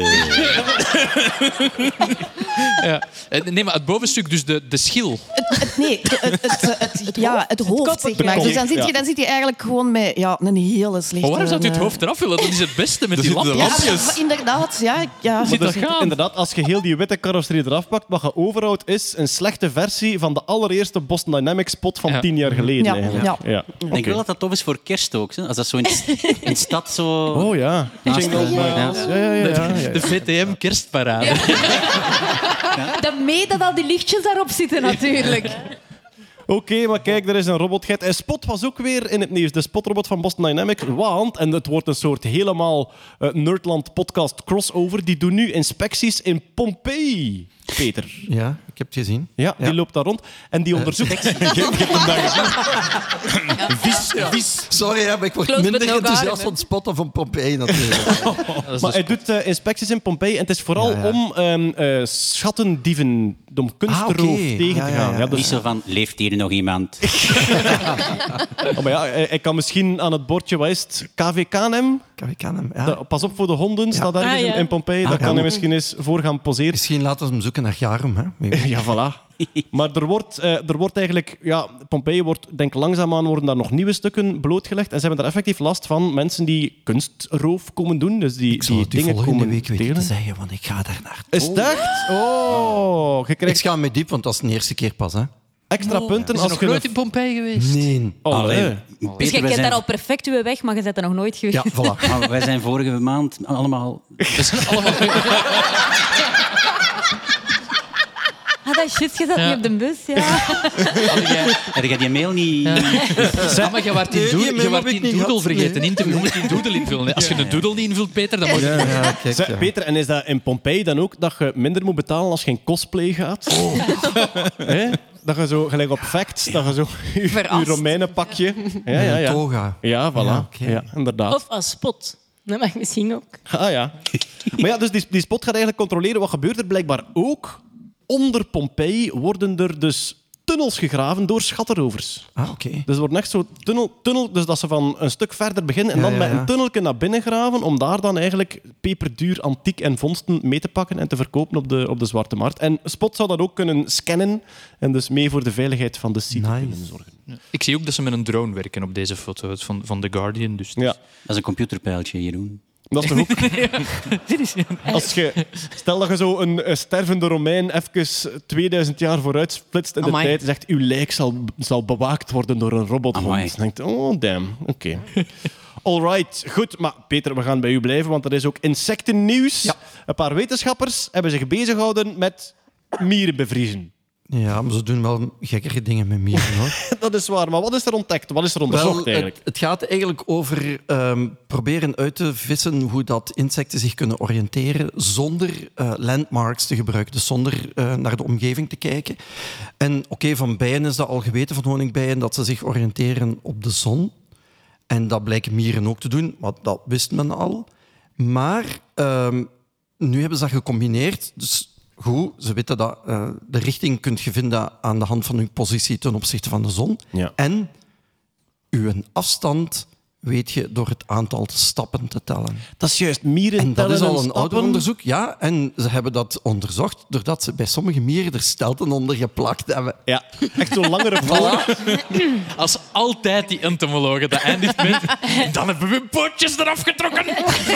Nee, deze keer hebben ze erop Erbij geplakt. Maar ze hebben, ze hebben ook bij andere mieren de poten ingekort. Ja, ja, En ja. die, die kwamen dan Maar minder die Daar zijn, nog- effectief. daar zijn nog geen ja. foto's van. Nee, Ja, die ja. foto die wou ik niet laten zien. Ja. En moeten die een aantal stappen halen per dag ook? Ze hebben die een Fitbit aan gedaan. Ja, aan dat linkersteltje zie je de Ja, Fitbitje. ja, ja, aan. ja. Maar fijn, goed, dus die- dat wisten ze al. Maar ehm, Wel zot. nu, nu, is, nu is, zijn ze dan ook gaan kijken naar hoe, hoe ziet dat brein eruit. Ze hebben blijkbaar eh, met bepaalde technieken bepaalde stukken van het eh, brein kunnen laten oplichten. Zodoende dat als ze weten van als zo'n mier eh, zich probeert te oriënteren, dus oké, die vertrekt van het nest, die moet naar een voedselbron en die moet dan terug om dan te zien eh, van oké, op welke hersendelen ehm, zijn dan, eh, worden dan gebruikt om dat ding te doen. En nu blijkt van oké, ze hebben eigenlijk ze, ze gebruiken dus twee soorten dingen. Ze moeten een afstand en de richting. En daar was een beetje eh, twijfel van oké, je moet eigenlijk twee soorten geheugen combineren met elkaar. Dat is uw lange termijn geheugen, want ze, blijkbaar kunnen ze zich dat herinneren. Ja. Van oké, ik was hier daarnet eh zoveel stappen in die richting en daar ligt suikerwater en dan kom ik terug en dan kan ik zelfs teruggaan. Dat moeten ze weten. Maar uw, ehm, uw richting is ook ehm, iets wat heel snel moet geüpdate worden. En die twee soorten geheugens die kunnen niet goed ge- gecombineerd worden. En nu vermoeden ze, ze, ze hebben dan daarop zitten nadenken, van, ja, hoe gaan we dat nu oplossen? Het trucje was, ze hebben bepaalde mieren onderweg naar, eh, naar de voedselbron, die hebben ze, ah, oké, op de terugweg van de voedselbron, die hebben ze opgepakt. Ze hebben die in doosjes gestoken. Eén deel bij kamertemperatuur en een ander deel hebben ze in de frio gestoken. En wat blijkt, degene die ze dan gekoeld hebben en terug losgelaten hebben, vinden de goede richting, maar weten niet meer hoe ver dat ze waren. Dus... En, en, dus, en ze wisten dan niet van, ja, maar dat, dat, dat, dat, dat is iets raar, want, want dat klopt eigenlijk niet met de theorieën die ze hadden. Dus, en nu denken ze, ze hebben dan daar ja, redelijk wat berekeningen op gedaan, en hun vermoeden is dat die richting en die afstand wordt bepaald door een vector. Eigenlijk gewoon een x-y-as en dan de lengte van uw pijl is uw afstand en de richting, hè, dus uw x-y-coördinaat, uw Cartesische as, bepaalt dan eh, welke kant je uit moet. En dat zou een geheugen zijn dat constant wordt geüpdate, maar als je, in, als je wordt gekoeld als insect, dan begint dat af te brokkelen. Dus je kunt het, een stuk van het geheugen wisselen door een ja, insect te ja. koelen. Dus wat blijkt, en het is vooral de afstand, dus het berekenen van een afstand, dat begint af te breken. Ja. Dus, en wat blijkt, die beesten die lopen wel de goede kant uit, maar die weten niet meer hoe ver dat ze gelopen hebben. En die, lopen dan verloren. Gaat er een animatie over mee? Ja, Of, eh, ja, ja, ja. Dus kijk, hier, voilà. Opgepakt. Joink. En dan- Nee, nee, nee, dus- Oh, dit, is, dit, is een, dit, is, dit is een filmpje gemaakt door de hoofdonderzoeker zelf. Kijk, ja. Molly! Ja, ja. Heeft, ook- echt zo heeft een klein Ze hebben een dekentje erop gelegd. Hè. Gekoelde mier. Ja, Ah, dus de- die dingen. ja, dus, dat- dat- en dan worden die, die neuronen die. eh, ja, voilà, kijk hier, dit is het. hè. 1,52, voilà. Ja, Ja. ja, ja. De, En de vector. als dan uw x en uw y-as afbrokkelen en dus niet meer eenduidig worden, worden bepaald, dan weet je eigenlijk niet meer hoe ver dat je ging. Maar de richting blijft wel. Maar dat is wel het wonderlijke aan die insectenbreinen. Ja, van sommigen is het connectoom bekend. Hè. Dus zijn Ja, ja, ja. bijna alle verbindingen in kaart gebracht. Dus heel het computerke, wat dat bij de mens eh, uitermate ingewikkeld is, waar we nog, allee, nog niks van snappen, kunnen bij die mieren volledig in kaart brengen. En dus het feit dat ze door die bepaalde stukken te laten oplichten, dat ze echt kunnen zien van, ah tja, hier zit het, snelheids, Ja. hier is het Ja, snelheidsmeterke en Ja, hier zit het absoluut. richtingsmeterke. En er zijn heel veel dingen die ze nu gaan proberen te ontdekken. Hè? Hoe dat, eh, hoe, ook hoe dat bijvoorbeeld mieren zich visueel kunnen oriënteren. Want er zijn bepaalde, bepaalde mierensoorten die dus wel visual cues gebruiken. Hè? Die dus echt kunnen zeggen van, ah ja, kijk, bij de derde bloem moet ik naar links. Hè? Bij wijze van spreken. Ja, ja, maar ja, het komt daarop neer. Je weet toch... Je weet toch eh, bloem naar links. Bij het klaverblad. En, het zijn ook, en die werksters zijn ook allemaal vrouwtjesmieren, dus die kunnen ook gewoon de weg vragen. Die zeggen niet van, ik vind dat hier zelf. Niks van. je weet toch wat dat die ene vermoeide mier tegen die andere zei? Uh-oh. Kan niet meer. Jastijd, jastijd. Ik had het gewoon Maar koud, baby. Er, is nog, er is nog eens een vergelijkbaar onderzoek, dit is ook al ouder. Bij honingbijen kun je bijvoorbeeld, als je die eh, een tijd in de koelkast steekt, dan zijn ze die een tijd kwijt. Dus als je, je kunt bijen trainen om op een bepaald uur naar het tonnetje suikerwater te komen. Ah, je kunt Dus elke dag om drie uur. tijd wegknippen. Ja, om drie uur, vast een tijd. Dus je kunt die trainen een week lang. En dan komen die om drie uur, zit je die bijen allemaal komen aan die plaats waar dat waar Kun dat je dan ook stond. niet hun leven verlengen? Want die leven maar 21 Dat- dagen. Ja, dat zou kunnen, ja. ja. Maar dus als je ze een uur in de Ja. ijskast stopt, Ja. dan gaan ze daar de volgende dag om vier uur zijn. Ja, dan je gaan kunt ze gewoon vol- verzetten van die winteruur naar zomeruur. Ja, absoluut. Door ze gewoon in de frigo te steken. Hij werkt dat met kinderen ook. Dus als je frigo een diepvries wordt, kun je daar je kind... Ja, voilà. Volgend, wacht, wanneer is het de volgende keer? Dat is eind oktober jaar, zeker, hè? hè? Het is, het is ja, net ja. geweest, hè, Is niet Ja, ik weet dat. Ik weet Ja. dat. Hij was hier op tijd. Is het niet Ja, gemakkelijker? in Limburg zaten ze al een uur achter. Dus was het, eh, Maar is het niet gemakkelijker om je klok in de frigo te steken? Dan, nee. Oké, oh, wat hebben we hier nog staan? Eh, Els, er is zwaar nieuws over de dolk van Tutankhamon. Ik heb een eh mummie met een buitenaardse dolk. Begin van een Hollywoodfilm. Ja. Eh, eh, ja, de dolk van Tutankhamon die kenden we al een tijdje. Wat is er over ontdekt? Ja, dus eh, zo exact eigenlijk ongeveer 100 jaar geleden eh, doen ze dat graf open. Daar zitten van alle mooie dingen in, zoals dat we allemaal weten. Dat mooi doodsmasker en zo. Maar daar zit ook iets heel gek in, namelijk een ijzeren dolk. Hij staat hier op de foto aangeduid. Waarom is die zo bijzonder? Dat is eigenlijk een onmogelijke dolk. Want toen dan Tutankhamon gestorven is, toen was er nog geen ijzer. Wel, er was wel ijzer in de aardkorst, maar er was geen manier om dat te ont... Allee, om We dat te zaten ont- nog niet in de ijzertijd. Voilà, Ja, die zaten mens, nog in de ja. bronstijd. Dus er was nog geen technologie om ijzer te bewerken. En, en, en, En te- iedereen dat dat probeerde weer op de vingers getikt, dat is hier nog de bronstijd. hè. even wachten. Zo niet, hè? Dat vuurke niet te warm maken, want dan begint dat... Fijn. Eh, niet alleen was dat gemaakt uit ijzer, eh, maar dat was ook nog een keer een eh, roestvrij ijzeren dolk. Dus dat was een Wat? legering van ijzer, nikkel en kobalt. En dat konden wij pas maken in de 19e eeuw. En met wij bedoelde de Europeanen. de mensheid. Niet- Niet wij hier, maar... Ook echt de volledige mensheid. Ja, ja, ja, ja, dus ook de. Egyptenaren Ja. konden dat nog niet. Wel, Van, van, ja. deze, van deze is het de onderste, hè? Of is het Ja, de ja, ja, het is niet die mooie gouden Niet de mooie- bovenste. Ja. Dat was wel een kostbare. Maar die onderste die was echt bijzonder. Die lelijke, grijze... Ja. Ja. Ehm, Zeg maar, dus iemand heeft een dolk in de ijzertijd begraven en iemand anders heeft daar Tutankhamon bijgelegd. of hoe moet je dat verklaren? aliens. het is buitenaards. Ja, dus eh, we zijn al lang aan het zeggen van eh, eh, eh, er zijn aliens bij de Egyptenaren geweest. Niet helemaal, maar die dolk is eigenlijk gemaakt uit een ijzermeteoriet. Dus er is een meteoriet op de aarde gevallen met perfecte legering om dingen van te maken. En daar is die dolk van gemaakt. Kijk. Nu, dat is een paar jaar geleden is dat al eh, ja, bewezen eigenlijk dat dat effectief uit een meteoriet komt. Maar nu hebben ze ontdekt uit welke meteoriet dat, dat komt. Want eh, zo van die dingen van Tutankhamon die eh, mogen wetenschappelijk niet zo heel dichtbij bestudeerd worden. Want ze zijn daar. Ze zijn er zo super beschermend Maar- over, dus je mocht daar amper een foto van trekken. Maar nu hebben ze die toch mogen scannen met bepaalde apparatuur. En nu hebben ze gezien dat de elementen op het lemmet zo geschikt zijn dat dat eh, een wit matstatternpatroon vormt, zoals we hier zien. hebben ze niet gewoon een meteoriet gevonden wat in dolk zo uitgesneden was? Maar waarmee hadden ze dat uitgesneden? Ah! Tum, tum, tum. Enfin, eh, we weten nu dus uit wat voor een meteoriet dat, dat komt. Dat is een eh octaedriet. En dat is eigenlijk een, de grootste groep van ijzermeteorieten. Dus eigenlijk een hele En heeft dat nog andere eigen... eh, Was dat, is dat Tefal? Kunnen er... is dat eh, die meteorieten zijn wel vaak eh, eh, eh, dat, er, dat er metaal blijft tegenplakken. Dat is. Ja. Maar ook gewoon het idee van een mes is dus geconcipieerd ver voor... Ah ja, maar de ze hadden, wel, ze hadden wel gouden dolken en zo. Ah, hè. Dus er was, er waren, Allee, de niet- vampier is wassen. hè. ja, Maar dat was Ja, heel ja. vroeger maakten ze dat ook zo van beentjes, van dieren en zo. Ja, oké. Maar hoe dat ze die dan inderdaad hebben kunnen uitkappen, dat is toch Ja, nog dat niet is, dus, evident. nee, dat is dus effectief bewerkt ehm, ehm, ehm, met, met niet zo warm als dat je normaal gezien ijzererts zou moeten smelten, maar dus wel verwarmd Ja. en, dan, en dan gevormd. En dan staat er iemand op de achtergrond. Zeg, zouden we dat ook niet kunnen met... Nee.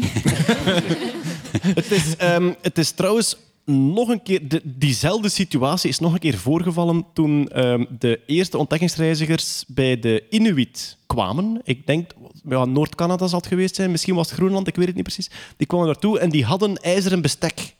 En dat kon ook niet, want die hadden geen ijzerbewerking. En dat was net hetzelfde. Er lagen blijkbaar... Meteorieten zijn heel goed te zien op, op sneeuwvlaktes. En er lagen blijkbaar, daar vlak bij de Noordpool, denk twee of drie echt gigant, gigantische meteorieten. Dat bedoel ik ja, een meter hoog, twee meter breed, zoiets. Die lagen op vaste plekken in dat sneeuwlandschap. En ja, heel veel van de Inuit kenden de weg daar naartoe. En dat was eigenlijk, ik denk een dagtocht of een dubbele dagtocht om daar naartoe te Derde gaan. bloemlings. Derde bloemelings. Die tellen hun stappen. Hè. En dan trokken ze eigenlijk door de sneeuw naar die meteoriet om daar brokken ijzer van te gaan halen en brachten ze die terug. Dus inderdaad, de, de eerste ijzeren objecten. Maar dat was dus voor die mensen dat was een ge- een geschenk van de goden, hè, want dat was, Ah, ja. dat was iets heel bijzonders dat uit de lucht kwam vallen. Hè, dus, eh, Voilà, dus kreeg Tutankhamon dat. De dolk van Tutankhamon is gemaakt van buitenaards metaal. Daarmee hebben we al het lange nieuws gehad. En wij proberen soms ook om kort nieuws te doen en dat mislukt altijd, Jeroen. Dus Ja. heb jij voor jezelf een uitdaging? Het is tijd voor Jeroens niet als lichtzinnig opgevatte korte wetenschapsnieuws tegen de klok edition. In de frigo? Tik-tak, tik-tak, Ik ga proberen op één minuut 14 wetenschapsfeitjes mee te delen waar we anders uren over zouden uitweiden, maar we moeten de zaal hier eh, proper achterlaten en zo, dus dat gaan we niet doen. Op één minuut. Op één minuut. En Wie wil gaat- mee, wil timen, die mag, hè? Kan zijn allemaal- op zijn horloge kijken om dit... mogen eh, niet onderbreken Ja, dan. het, zijn allemaal, het zijn allemaal nieuwtjes die dat je meteen gaat snappen van de titel. Het zijn originele krantentitels die ik heb aangepast, zodat het meteen duidelijk wordt. Want je hebt zo heel veel clickbait dat zegt van je gelooft nooit wat er in deze yoghurt zit. Het is ka- gewoon dat het duidelijk... dat, direct dat direct duidelijk is wat, dat er, wat dat er aan de hand is. Soms is het ook nieuws... dat- Maar ja, we gaan zien. Hè. Dus 14 nieuwtjes op 60 seconden, 4,28 seconden per feit. Eitje. Dus als jullie zeggen start de klok, dan starten we de klok. We gaan aftellen. Secondje, wacht. Ik moet mijn eigen klok ook starten, dat ik, dat ik een beetje kan... Ja. Oké? Ja. Drie, twee, één. En go!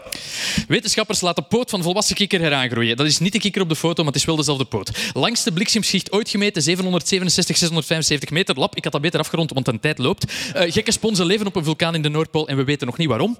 Uh, dinosaurussen konden een snotvalling krijgen en daaraan doodgaan. Het Duitse bedrijf Volocopter belooft vliegende taxi in Europa in 2025, maar Jeroen gelooft er geen zak van. Minuscule magnetische kurkentrekkervormige robotjes bewegen zich door een muizendarmkanaal. Oh mijn god, ik heb veel tijd verspild door kur- kurkentrekkervormig te zeggen.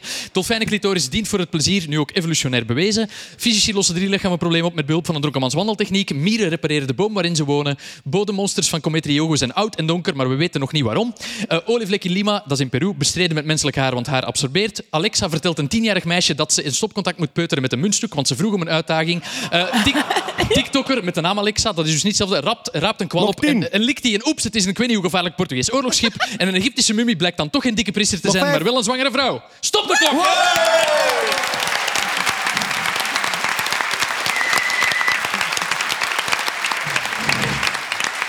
Dan zijn we meteen ook up-to-date met alle nieuwtjes die het, het wetenschapsnieuws net niet gehaald hebben. Prachtig. En helemaal binnen de tijd. We gaan er onthouden dat jij wel snel Kon er, nieuws kon er nog, kon er nog twee feitjes bij. wel snel nieuws kon brengen. Hetty, er is wel meer gebeurd in de voorbije maand, want we komen steeds dichterbij. Het meest fantastische wetenschapsfestival van de Lage Landen, het Nerdland Festival. Hoe staat het ermee op dit moment? Wel, op eh Pi-dag 14 maart hebben wij officieel de ticketverkoop gestart. Pi is Dus- dat getal dat de helft van touw is. Ja, hè? klopt. Dat is Ja, dat. 3,14. Ja, oké, ja. Die dag dat we de podcast lanceren. Ja. Ja, eh, ja nee, 3, 4, 5 juni. Ehm, het wordt inderdaad het mafste wetenschapsfeestje van het jaar, denk ik. En van, van Europa. Ik ga dat er gewoon bij zeggen. Ja, ja nee, eh voilà. Tickets. Nerdland Festival, ehm, het eerste weekend van juni. Ja, Pinksterweekend. De maandag is het congé, dus je kunt gewoon vrijdag, zaterdag, zondag komen. En dat is zaterdag 4. Ja, dus vrijdag 3, zaterdag 4, zondag 5 juni. En, ze- en maandag 6 juni is mijn verjaardag. Oké, ja, als jij ligt te slapen. Eh, en dat is in Puijenbroek in Ja. Wachtebeke. Dat domein is nog groter dan de vorige Sound of Science eh, Absoluut, festivals. ja, ja, ja. En eh, af en toe stuur ik u nog een ideetje van hey, misschien kunnen we dat doen. En jij zegt, lievend zit vol. Dus je heel- bent ook drie maanden te laat met uw ideeën. Ja, dat is eh story of my life. Ja. Ik had ook nog juist een idee. Maar jij staat daar. Ja, ik, ik sta Ah, ja. daar, dat klopt. Ik, ik ga ehm, over geestesverhelderende middelen praten, Met onder andere. Otto Jan Ham? Met Otto Jan Ja. Ham, ja. We gaan terugblikken op onze psilocybine-trip die we gedaan hebben. Met Brain Man, ja. Met Brain Man. Allemaal zeer welkom om te komen kijken. Ehm, maar ik had nog een idee, Hetty. Ik vind als festival heb je toch op zijn minst je eigen snack of saus nodig. En dus ik dacht, als we nu eens onze eigen Nerdland saus lanceren, en we noemen dat open saus.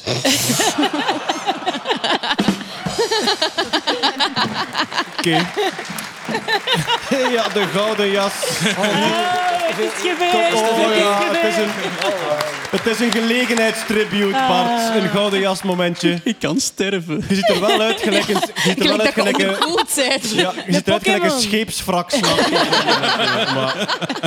Ja. Te veel eer. Oké, en dus ik denk als de gouden kant naar buiten zit, dan zijn de onderkoeld, denk ik. Hè? Dat is zo, hè? En als de gouden kant naar, binnenkant, eh, naar binnen zit, dan zijn de overhit. Is het zo niet?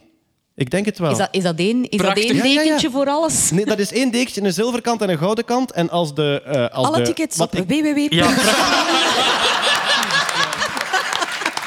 Oké, dan zijn we eigenlijk rond. Ik heb nog twee hele korte recalls staan. We hebben het nu al heel de podcast niet over de James Webb Telescoop gehad. Eh, James Webb Space Telescope. Eh, wat is het nieuws daarvan? Hij heeft nu echt een hele mooie scherpe foto getrokken. De foto die hij nu getrokken heeft, is de scherpste ooit gemaakt in infrarood. En hij gaat nog beter worden. Dus het lijkt erop dat die James Webb-telescoop waarschijnlijk nog beter zal werken dan de verwachtingen. Ah ja, ik had die foto moeten klaarstaan. zeker. Ja, nee, ja, dat is die daar, ja, ik inderdaad. hoop dat ja. hem deze is. Joink. Ja, voilà, dat is hem. Dat is Dus dat is eh, een ster en je ziet zo wat, ik denk wel galaxieën op de achtergrond ook. Maar dus eh, grote hoop voor James Webb. En ja, dan, goh, we kunnen er toch niet omheen. Ehm eh, Hetty, het lijkt erop dat Ge Junquei vrij gaat komen. Eh Ge Junquei, eh, dus de, de Chinese wetenschapper die, eh denk in 2018 de eerste keer CRISPR toegepast heeft op menselijke IVF-embryo's. En die zou binnenkort vrijkomen. Ja.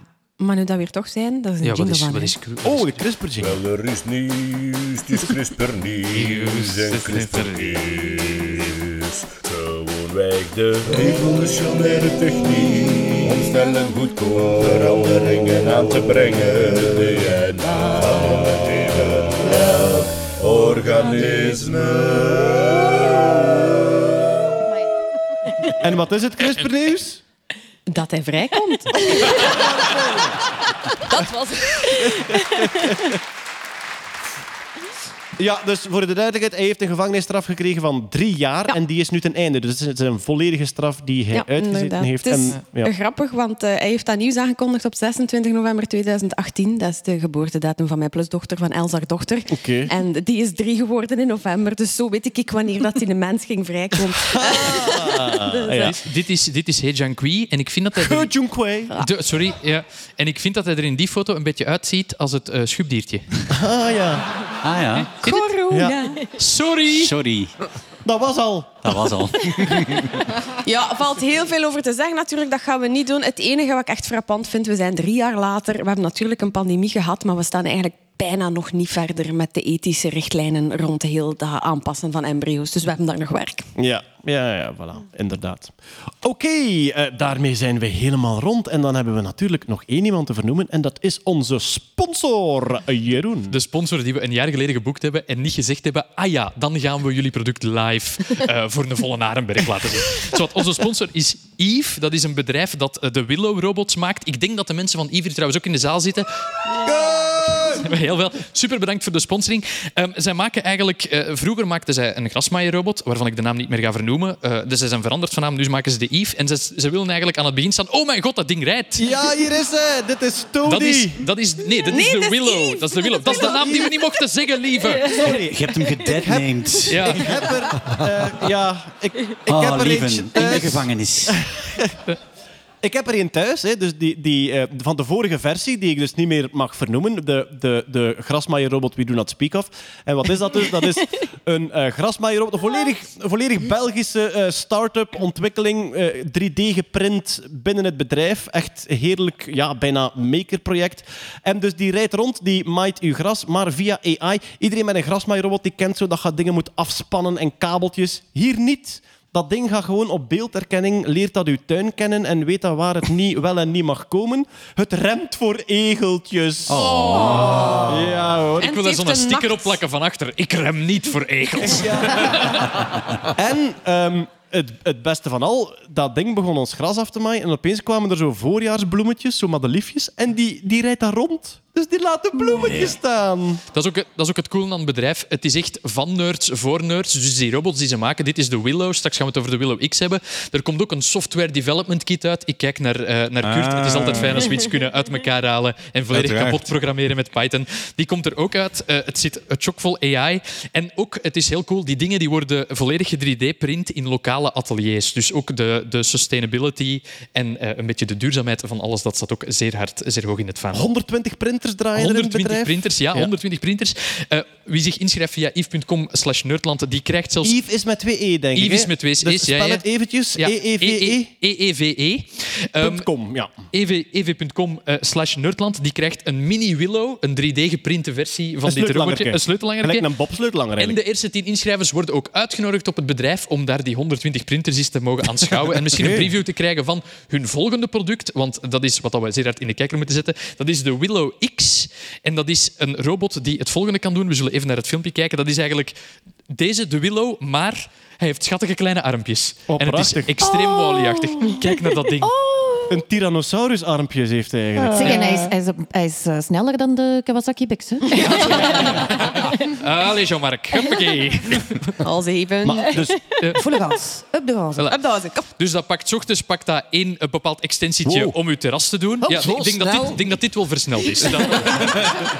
Ik, ik zal even naar de Yves-medewerkers in de zaal vragen. Kan hem het zo snel? Nog niet. ja. En dan kan hem dus ook uw gras doen. Iets Ehm, anders pakken. Ja. de Willow X. We hebben ook een enorm schattig filmpje doorgestuurd gekregen eh, van mijn Valentijn. Kijk, dit is dus het prototype van de Willow X, want die komt in Oh. dat is echt 2024. een film, dat is geen animatie. Dat is geen animatie, nee, dat is een echt filmpje. Oh. Dat is deze! Dat is deze! Maar ook Garme, die andere heeft geen Ja. Die andere, die Die andere, andere komt- heeft geen armpjes. Ja, nog niet aannemen. Liefde overwint alles. Els, ik denk dat je ook een filmpje Ja. had doorgestuurd van... Wel, eh, wij hebben den deze dus even twee weken in onze tuin gehad om die zo een keer een beetje beter te leren kennen. En, en ja, dat is een tof ding. Hè. Dat is wel een ding met persoonlijk. Oh, sorry. Drip, drip, Willow, Willow, drip, drip, drip, Willow.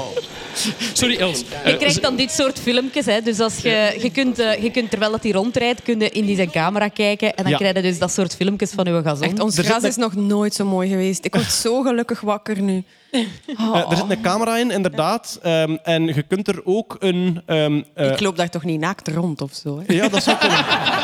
ik wist niet dat jij dat gedaan had. Maar er zit ook Je effectief ziet wel een... de een, kat eh, achter de venster zitten kijken naar de robot. Echt zo van, hè?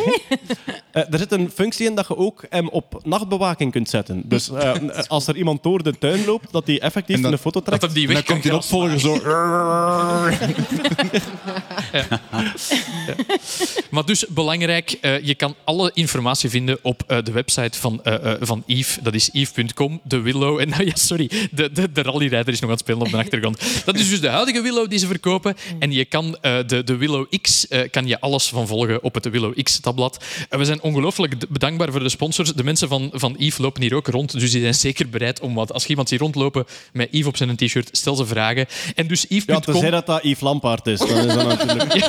Stel die ook maar vragen. Ja, voilà. En dus yves.com slash nerdland. En de eerste tien mensen die mogen in de fabriek langs gaan om daar eens een kijkje te nemen, eh, dat gaat sowieso de moeite zijn. Voilà, we zetten sowieso de filmpjes die we getoond hebben van de robots zetten we in de show notes. Kan je daar naar bekijken. We zetten ook alle links. Dan kunt je zelf gaan kijken naar die Eve. Eh, Ik denk ook wel, zeker als je inschrijft op de nieuwsbrief, dat je de ontwikkeling mee kunt volgen. Want dat vind ik er ook wel tof aan. Het is echt een eh, technologieproject. Ik heb zelf de ontwikkeling van, van prototype naar de huidige grasmaaierrobot mogen meemaken. Af en toe kwam... Dat, was ook het, dat vind ik altijd tof aan early adopter zijn. Dat je een rechtstreekse lijn hebt met de ontwikkelaars. En dat die heel eager zijn naar feedback. Wat lukt er, wat lukt er niet. En dan af en toe stond er een ontwikkelaar in onze tuin die dan zo dat opengemaakt had. En er was één super tof moment. Ze hadden hem net hersteld en we waren hem terug aan het instellen. Om hem in te stellen moet je dus met de robot een rond je tuin wandelen om te zeggen, hier moogt jij maaien. En dan onthoudt hij dat. Dat is, En- veel, dat is veel werk bij u. Allee, Ik wil niet Ja, zeggen, maar wel. dat, VTM-geld heeft een serieuze tuin, een serieuze tuin gekocht. Dat is, Ja, dat is, eh, dat is eh, even werk. Ja. En dus wij beginnen te wandelen en eh, ik sla af naar links en de robot probeert mij te volgen en slaat af naar rechts. En dan sla ik af naar rechts en dan slaat hij af naar links. En die developer is er in de software gedoken en het AI-systeem en misschien denkt hij dat hij een boom gij bent en proberen en we- uiteindelijk heeft hij toch maar het draadje dan naar het linkerwiel en naar het rechterwiel Voilà. juist gestoken. en vanaf dan werkte alles perfect. Early adopting, I love it. Maar kijk, dus eh, je kunt eh, alles volgen ook online en het- de verdere ontwikkeling van de robot met armpjes die een soort tuinassistent eh, zou moeten Een worden. de personal, een personal robot assistant voor alles. Een applausje voor de sponsor. En, en sorry dat het in Den Arenberg is. Ik had dat, ik had dat moeten zeggen, maar ja. Oké, dan denk ik dat wij helemaal rond zijn en dan kunnen wij zowaar afsluiten. Bij mij zaten Jeroen Marianne Verhaal. Els Aar. Stefanie Tegenen. Hetty Helsmoordo. Kurt Beek. Peter Berg. Bart van Peer en Natakerko Lieve Scheire. Dat ben ik. Dankjewel om erbij geweest te zijn. Heel graag tot de volgende keer. Applaus voor jullie zelf.